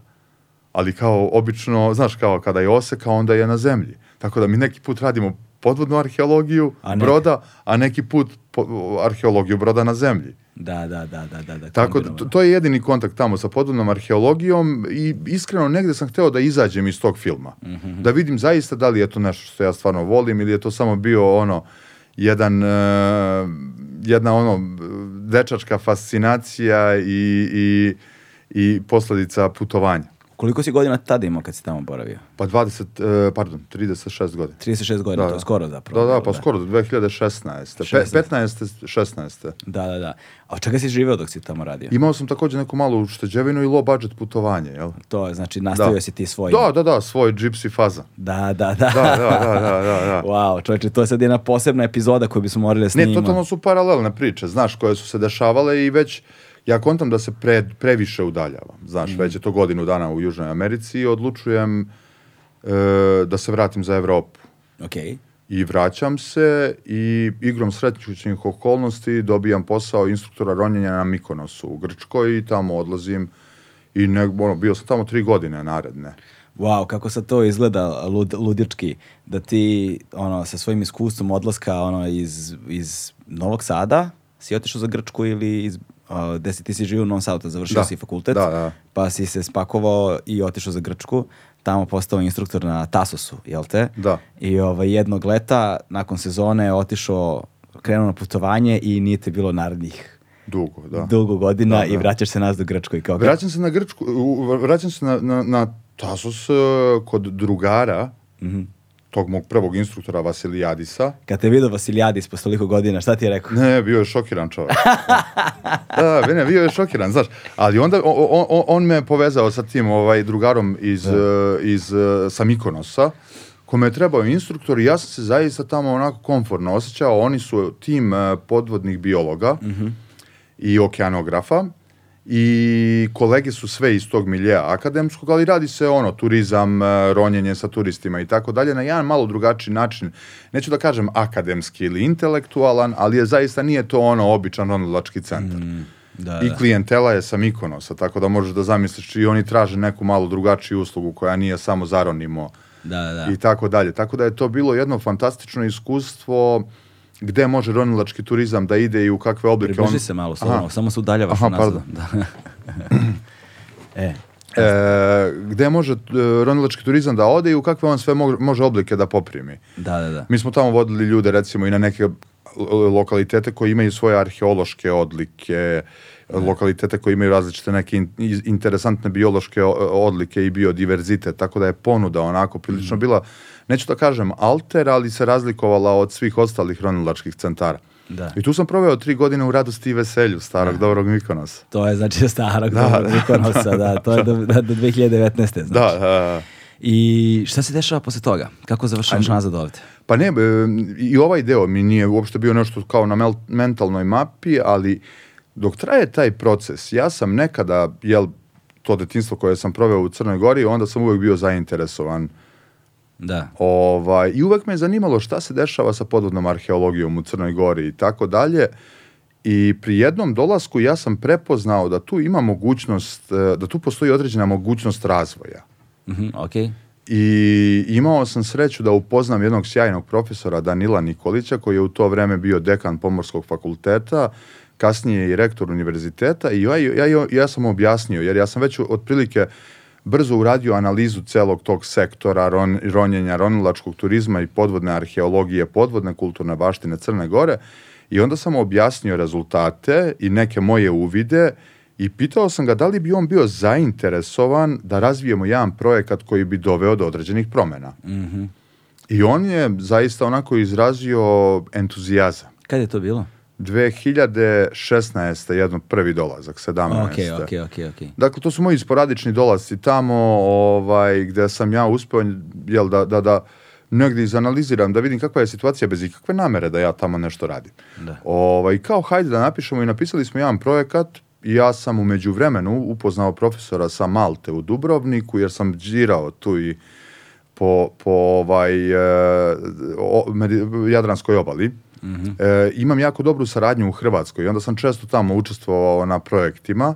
Da. Radio sam sa njima nekoliko puta i to je u toku tih nekoliko puta ovaj dovelo do tog susreta sa Timi Gambinom sa Malte, profesorom podvodne arheologije tamo.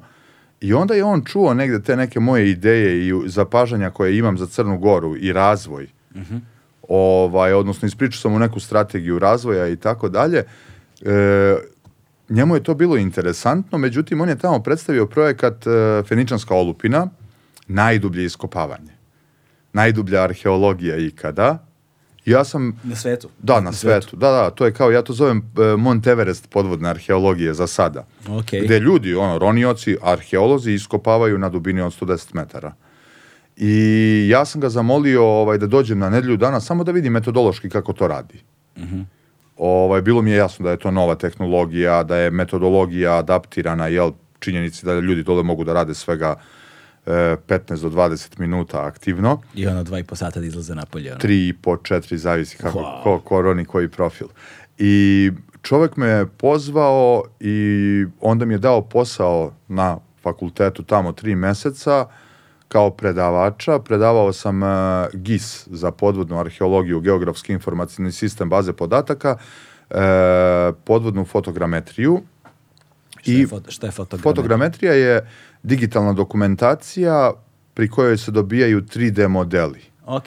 Dakle, nešto kao lasersko skeniranje, samo je optički senzor, odnosno senzor fotoaparata. I predavao sam, naravno, arhe, podvodnu arheologiju Bliskog istoka.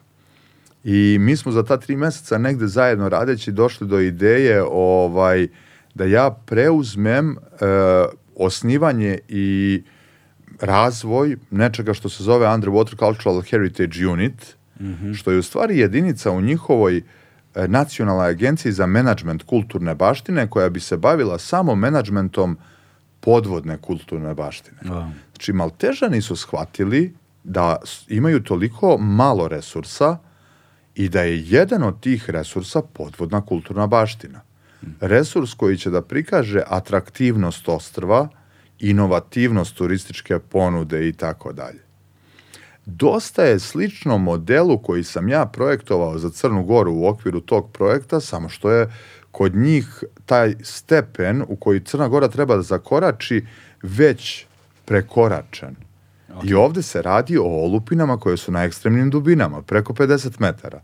Dakle, prvi podvodni ar- o, muzej podvodne kulturne baštine za tehničke ronioce i podmornice.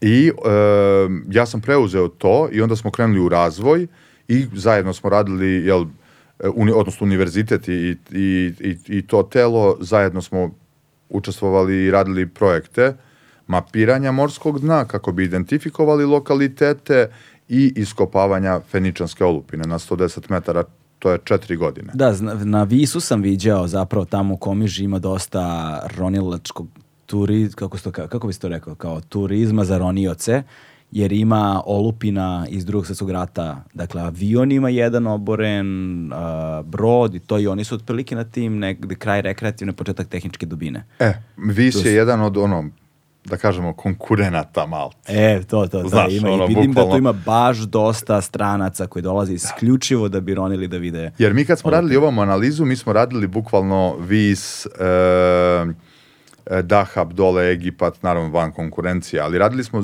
analizu mediteranskih centara za tehničko ronjenje da vidimo gde možemo da stavimo Maltu.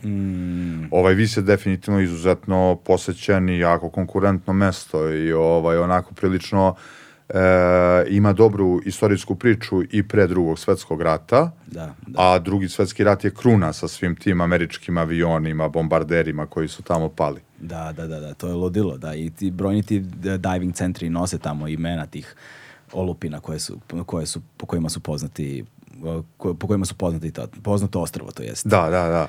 I e, onda sam tamo proveo na Malti, jel, tri godine intenzivno, konstantno. To je zaista bio onako jedan neverovatno intenzivni period da je bio zadatak izgraditi tu jedinicu, e, implementirati model podvodnog muzeja, odnosno ispregovarati sa svim akterima u lancu, e, ronilačkog turizma, turizma, transporta, svega, d- e, nova pravila korišćenja olupina.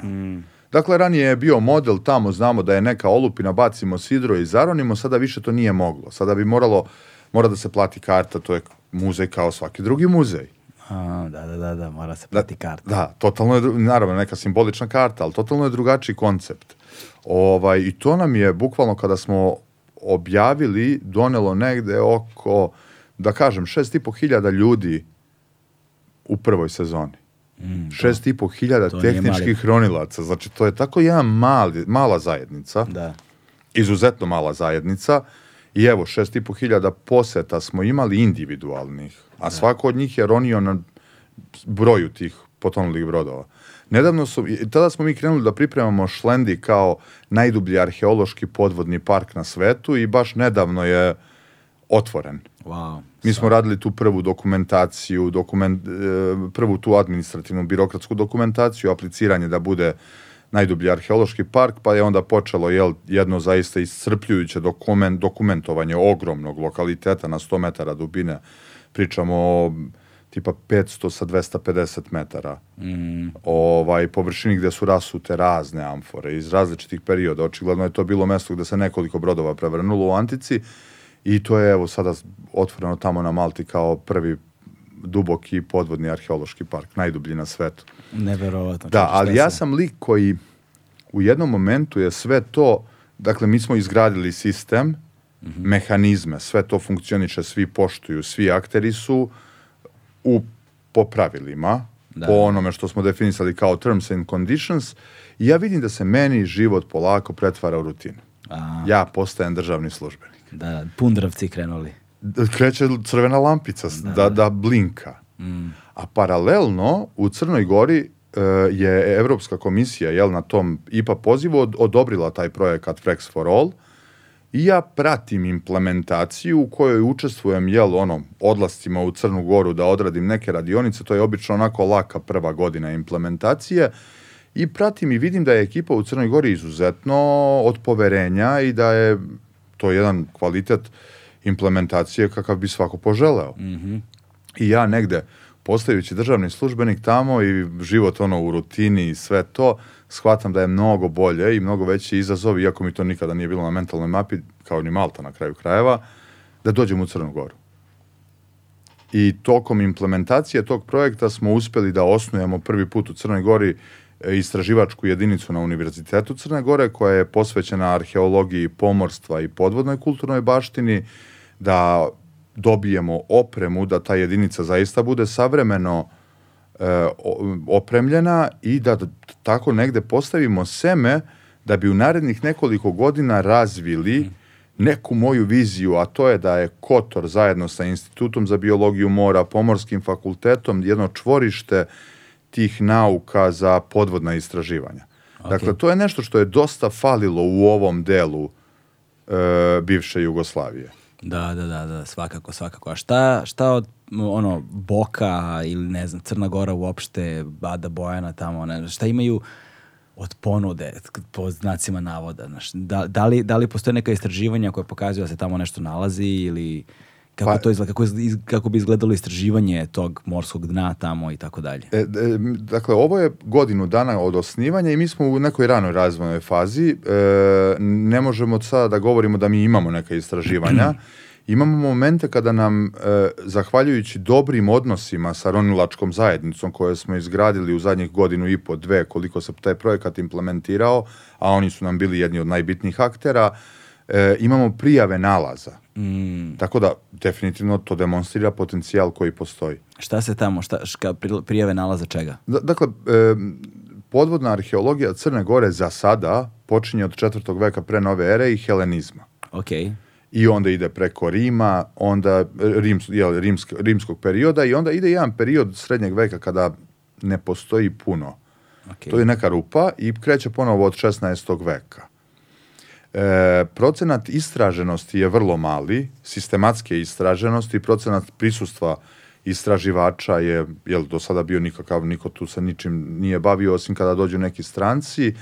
E, ja sam ubeđen da postoji jedan potencijal postoji potencijal za mlađe generacije, recimo, koje će da dođu, da imaju, recimo, terene na kojima mogu da, da se bave naukom. Mm, da, da. Dakle, sada je ta faza razvoja, edukacije i tako dalje. Znači, što znači da svi koji su zainteresovani, koji žele da se priključe projektu, da se edukuju, da nauče, u ovom trenutku to mogu da urade. Pa da, ja se nadam da ćemo već sledeće godine imati letnje škole i kurseve u ponudi. U letnje škole kurse po Da, ja, u, u ovom periodu to pripremamo i, i letnje škole i kursevi bi trebali da budu kao spin-off mm -hmm. za neki novi, inovativni, e, da kažemo, koncept edukacije povezan sa podvodnim naukama. Sa, ne samo sa podvodnom arheologijom, da. podvodnom biologijom, robotikom i svim komplementarnim naukama e, koje su neophodne da bi se dobili arheološki ili biološki rezultati. A to su e, tipa metode daljinske detekcije, podvodne robotike, i tako dalje. Ali to sve deluje vrlo skupo u suštini, znaš, zahtevno, tehnički zahtevno i skupo, znaš, sad podvodna robotika, ono, i, i, i podmornice i ostali elementi koje treba nekako, ono, treba ostvariti te budžete, treba orkestrirati sve to, sinhronizati. Deluje kao nešto što ima jako puno pokretnih delova i što sa sobom nosi ogromnu količinu rizika. Znaš, da nije to stvar koja se dešava tek tako. Ne, ne, nije. E, mislim, e, evo, kada smo mi krenuli da radimo, 2016. 17. trebalo nam je e, skoro godinu, godinu i po dana da razvijemo projekat, mm -hmm. 2018. je odobren, 2020. je krenuo zaista u implementaciju. Mm. 2021. mi osnivamo laboratoriju, osnivamo 2020. formalno, ali 2021. počinje laboratorija da radi da, da, da. polako kroz projekat. I mm. bukvalno 2022 kada se završio projekat, mi smo krenuli u kick-off samo laboratorije. Da, I da, pokrenuli da. smo projekat Podvodni kulturni predijeli Crne Gore, koji bi trebao da bude jedna inicijativa za dokumentaciju svega onoga što već znamo. Da, da, da. Jer obično kada dokumentuješ ono što je poznato, mm -hmm. mi smo krenuli da idemo od poznato ka nepoznato. Jasno. Ti demonstriraš jel, delatnosti i rezultate na koje ljudi reaguju. Mm -hmm. I onda te pozovu i kažu, ej, pronašao sam ovamo nešto što mi deluje kao neki crep i ti odeš tamo, zaroniš sa ekipom i shvatiš da se tu radi verovatno o nečemu što je antički ili srednjevekovni krovni pokrivač, tako da dobiješ je već jedan lokalitet. Mm -hmm. Dinamika mora otkrije neko drvo, tako da to takođe ronioci ili, ili turisti Dinamika prijave. mora su zapravo struje koje da, pomeraju morsko dno u pličaku, da. da. i onda ga ili ga prekriju ili ga razgrću. E, upravo to. I tako da, da, da e, cela ta zona mm -hmm. sada traži jedan tim koji mora da se razvije da bi mogao konstantno da radi. I ja mislim da će sledeća generacija ovaj, e, blistati u otkrićima.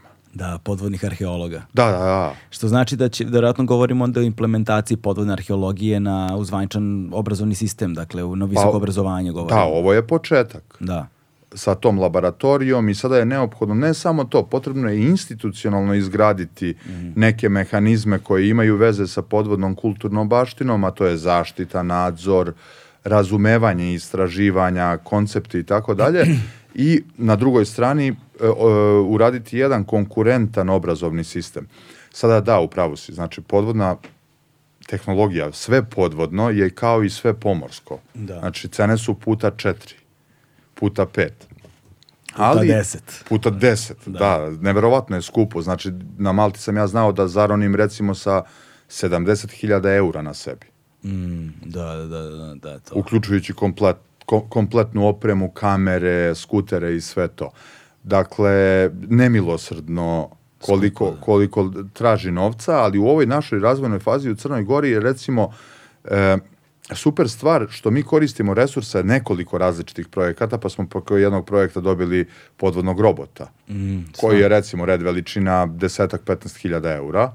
Koliki je taj podvodni pa, robot? Pa to je, mislim, metar sa metar. Aha, okay. Recimo sa nekoliko propelera, jednom rukom, e, hvataljkom za uzimanje sedimenata, kamerom, sonarom i tako dalje, 300 metara dubine. Zatim kolege na Institutu za biologiju mora, oni takođe imaju jednog isto malog robota.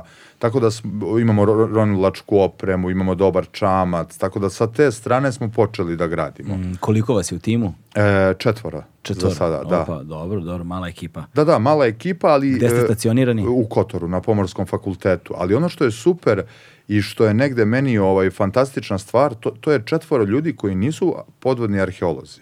Mm. Dakle, profesor, on je maš, mašinski inženjer, jel, profesor, redovan profesor.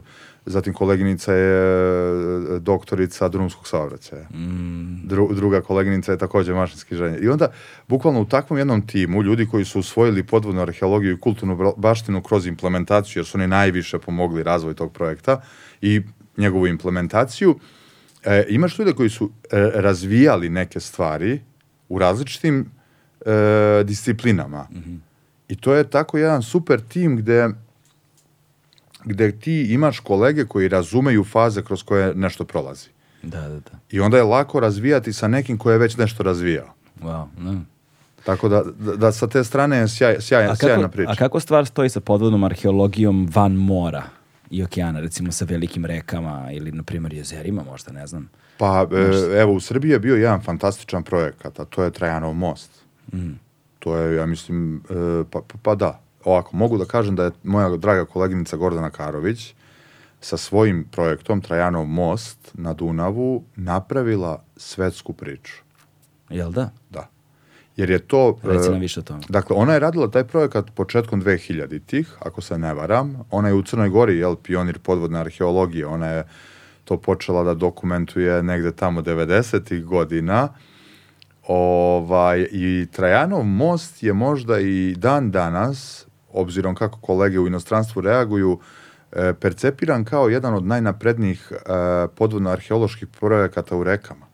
Wow. Jer je ona 2003. godine primenjivala metodologiju daljinske detekcije, dokumentacije, e, stu, ostataka stubova Trajanovog mosta, bezkontaktno sa senzorima je snimala ovaj, sve to, to, mislim, ljudi su baš bili fascinirani metodološkim pristupom. Tako da, recimo, danas tačno znamo gde su bili stubovi Trajanovog mosta. Da, da, da, da. Ali ove neke, neke od ovih tehnika koje se koriste u klasičnoj arheologiji nisu upotrebljive možda za, ne, nis- ne znam, ono kao tipa ladara i slično. E, da, jesu. Jesu, da, da, aha. kada je plića voda, e, li- lidar je izuzet, Lidar, da, da, da, da. izuzetno upotrebljiv, ali je jako skup na velikim dubinama, odnosno laserski skener. I onda se obično ide na akustične tehnike. Mm. Aha, A okej. to je side scan sonar ili multi-beam sonar. Okej, ti okej. sonari su, ti uređaji su dosta jeftiniji i lakše je raditi sa njima na većoj dubini. Da, Oni da. šalju zvuk i zvuk se odbija i onda po tom se, po, po, po jel, dužini putovanja signala se procenjuje kakva je struktura, kakva je forma tog objekta na dnu. Wow. I onda se dobija 3D ili 2D odraz. Sjajno. Reci mi, ovaj, kada smo se videli prošli put a, dole na moru, a, rekao si mi da ste napravili neki, neki virtualni muzej. Da. Nisi mi poneo sada 3D da pogledam. A ponovno se. Poneo si, ja? Stvarno? Da, De, de ti je? Da, u, u rancu je, ali moramo da vidimo samo da li ima još baterije. A, dobro, dobro, dobro. Ovaj, Napunit ćemo e, posle, da, pogledamo. e, dakle, taj projekat koji smo implementirali, da bi započeli priču podvodne arheologije i svega toga, ja sam shvatio da mi ne možemo privući pažnju ako budemo radili klasičnu arheologiju, a to je ono, znaš, kao mape, ako budemo pisali naučne radove koji se objavljuju u nekim glasnicima, u usko stručnoj literaturi. Da, da. Znači, donosioci odluka nikada neće obratiti pažnju na to. Mi smo morali da zavrtimo tu priču malo drugačije. Mi smo morali da se okrenemo turizmu i nekoj senzaciji. Odnosno nekoj inovaciji koja bi skrenula pažnju na predmet istraživanja, na potopljene brodove, Da, na taj resurs. I kada smo projektovali taj Vrex for All se zove projekat, koji je finansiran na IPI Hrvatska, Bosna, Crna Gora, mi smo zaključili da je najbolje da idemo na virtualnu realnost i na 3D modele kao jedan novi turistički proizvod ili podrška već postojećem turističkom proizvodu, tu govorimo o muzejima e, ili nezavisnim showroomovima, kako bi javnosti, ali i donosiocima odluka stavili do znanja da ti brodovi zaista postoje. I da ne moraju da rone da bi ih posetili. Jasno, jasno. E, jasno, to je bio da. game changer. I mi smo na Pomorskom u Kotoru otvorili virtual reality showroom koji je dostupan javnosti. Imamo dvadesetak e, naočara za virtualnu realnost i svi mogu da dođu da posete i da virtualno zarone na tri lokaliteta iz Bosne, tri iz, e, iz Hrvatske i tri iz Crne Gore u virtualnoj realnosti, plus iz svake zemlje po tri su naracija, video, video i fotografije. Wow, sjajno, sjajno, Da. sjajno. E sada, e, kada su donosioci odluka, ljudi iz sektora kulturne baštine, jel, zaštite kulturne baštine, prvi put vidjeli te brodove u jedan prema jedan veličini. Mm. O, to je zaista izazvalo reakciju.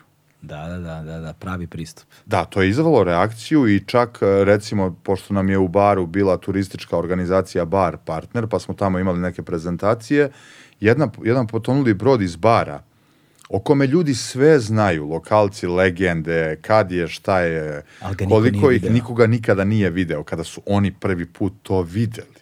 Wow. E, to je meni bilo ono kao tipa, e, tada mi je bilo jasno da mi radimo e, izuzetnu stvar. Jer su ljudi kao, wow, on, ta, jao, pa da, njega su isekli da bi ga pomerili.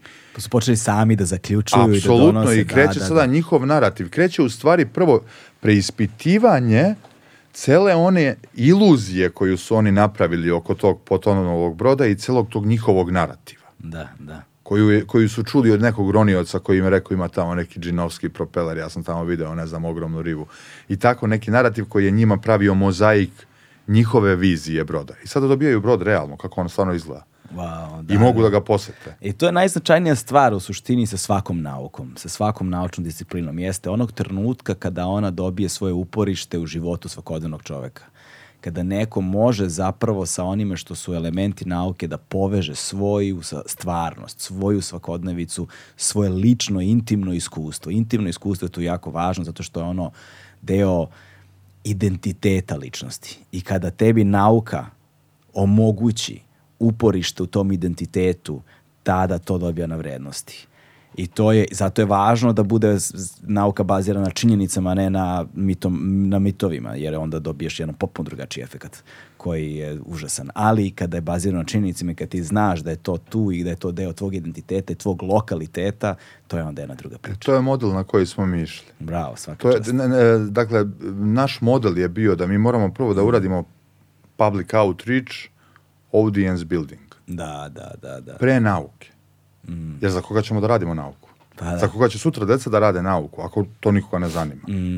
I onda- Kako, kako, kako, izvini, reci. I onda smo mi krenuli da radimo, jel, sa virtualnom realnošću, obogaćenom realnošću i sada u narednim godinama nadam se da će doći neke nove metode gde e, cilj je bio da se taj, ta tema drži u mainstreamu i da ide kroz mainstream, kroz različite rezultate i da bude dostupna kroz e, digitalne uređaje i tako dalje, kroz mobilnu aplikaciju VR, e, kako bi jel, animirali publiku da prati sam, sa- samu temu, a i kako bi počeli da dobijamo zainteresovane da se bave tom naukom, da, jel- studiraju. Jel postoje, ovaj, recimo, jel postoji sad aplikacija, ne? da, postoji, postoji aplikacija. Zove se Vrex for All za iOS i za... Kako se zove? Vrex for All. Vrex. Je. V-R-E-X. E, V-R-E-K-S A, V-R-E-K-S. 4-A-L-L. Aha, aha, aha. A, Dakle- a Vrex kao olupine. Da, kao olupine. A, Dakle, za a sve... Čekaj, a za sve- Vrek, da, okej, okej, okej. Da, za sve gledaoce, za iOS i za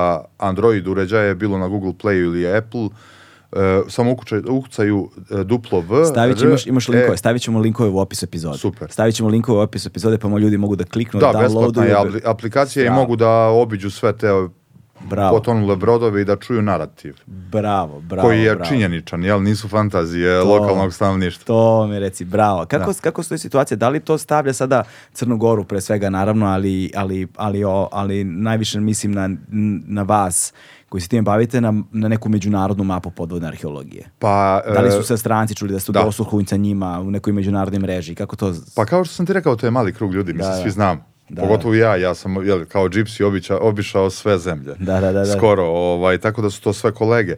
Evo, nedavno smo u junu primljeni u UNESCO UniTwin mrežu Bravo. fakulteta i univerziteta koji imaju podvodnu arheologiju. Mm. Dakle, mi smo sada deo jel, te internacionalne grupe univerziteta koji imaju podvodnu arheologiju i kroz tu grupu i tu mrežu definitivno crpimo neke benefite koje će da donese buduća saradnja sa različitim fakultetima iz sveta, što bi ja želeo da bude podsticaj daljom edukaciji, dalj- daljoj edukaciji mladih ljudi, Da, da, njihovom jel profilisanju i negde u budućnosti nadam se otvaranju radnih mesta za njih u Crnoj Gori da zaista mogu da se bave Da. e, tom nekom svojom strašću A koja ti- je vrlo čudna. A gde ti trenutno živiš?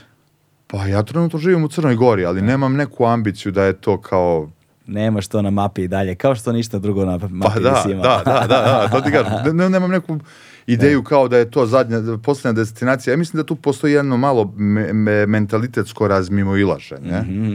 gde niko ne veruje. Ja recimo kad sam došao na Maltu, oni su mislili kao, ja, ovaj je ostvario svoje snove.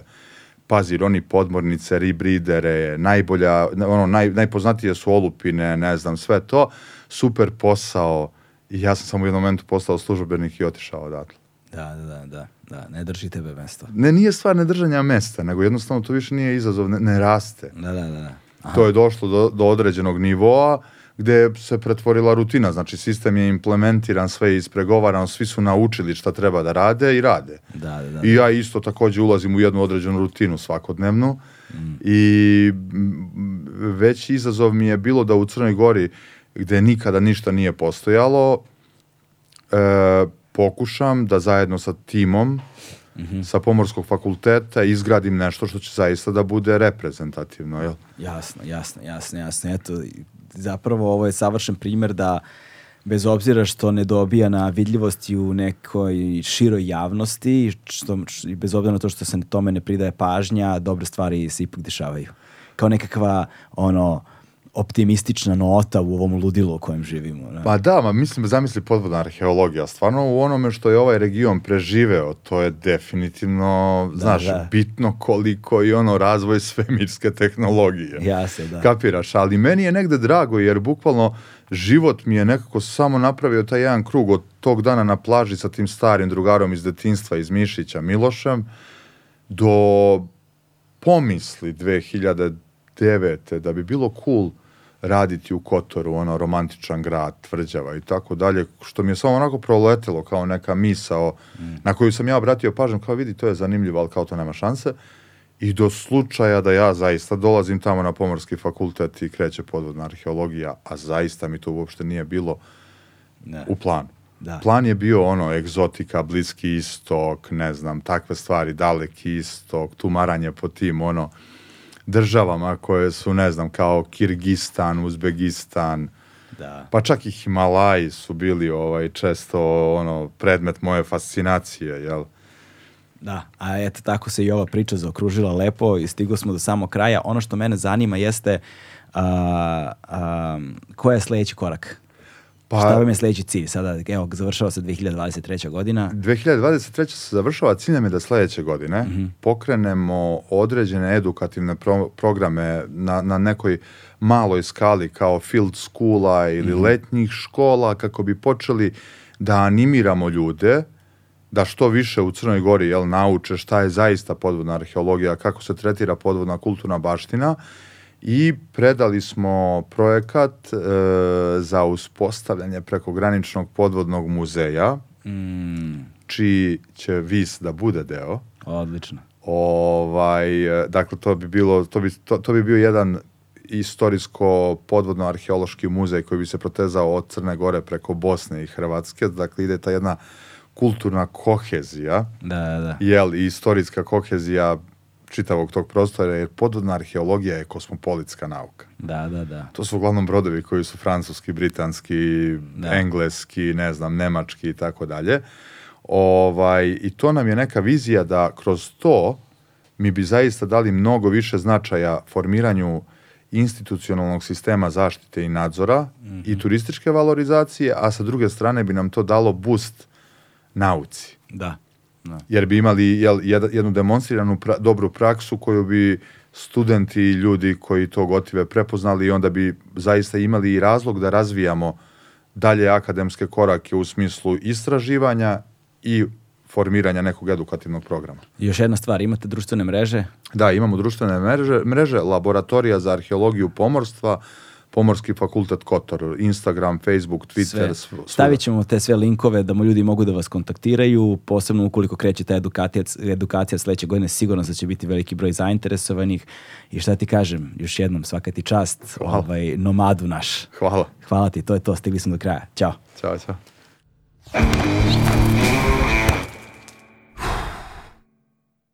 Hmm.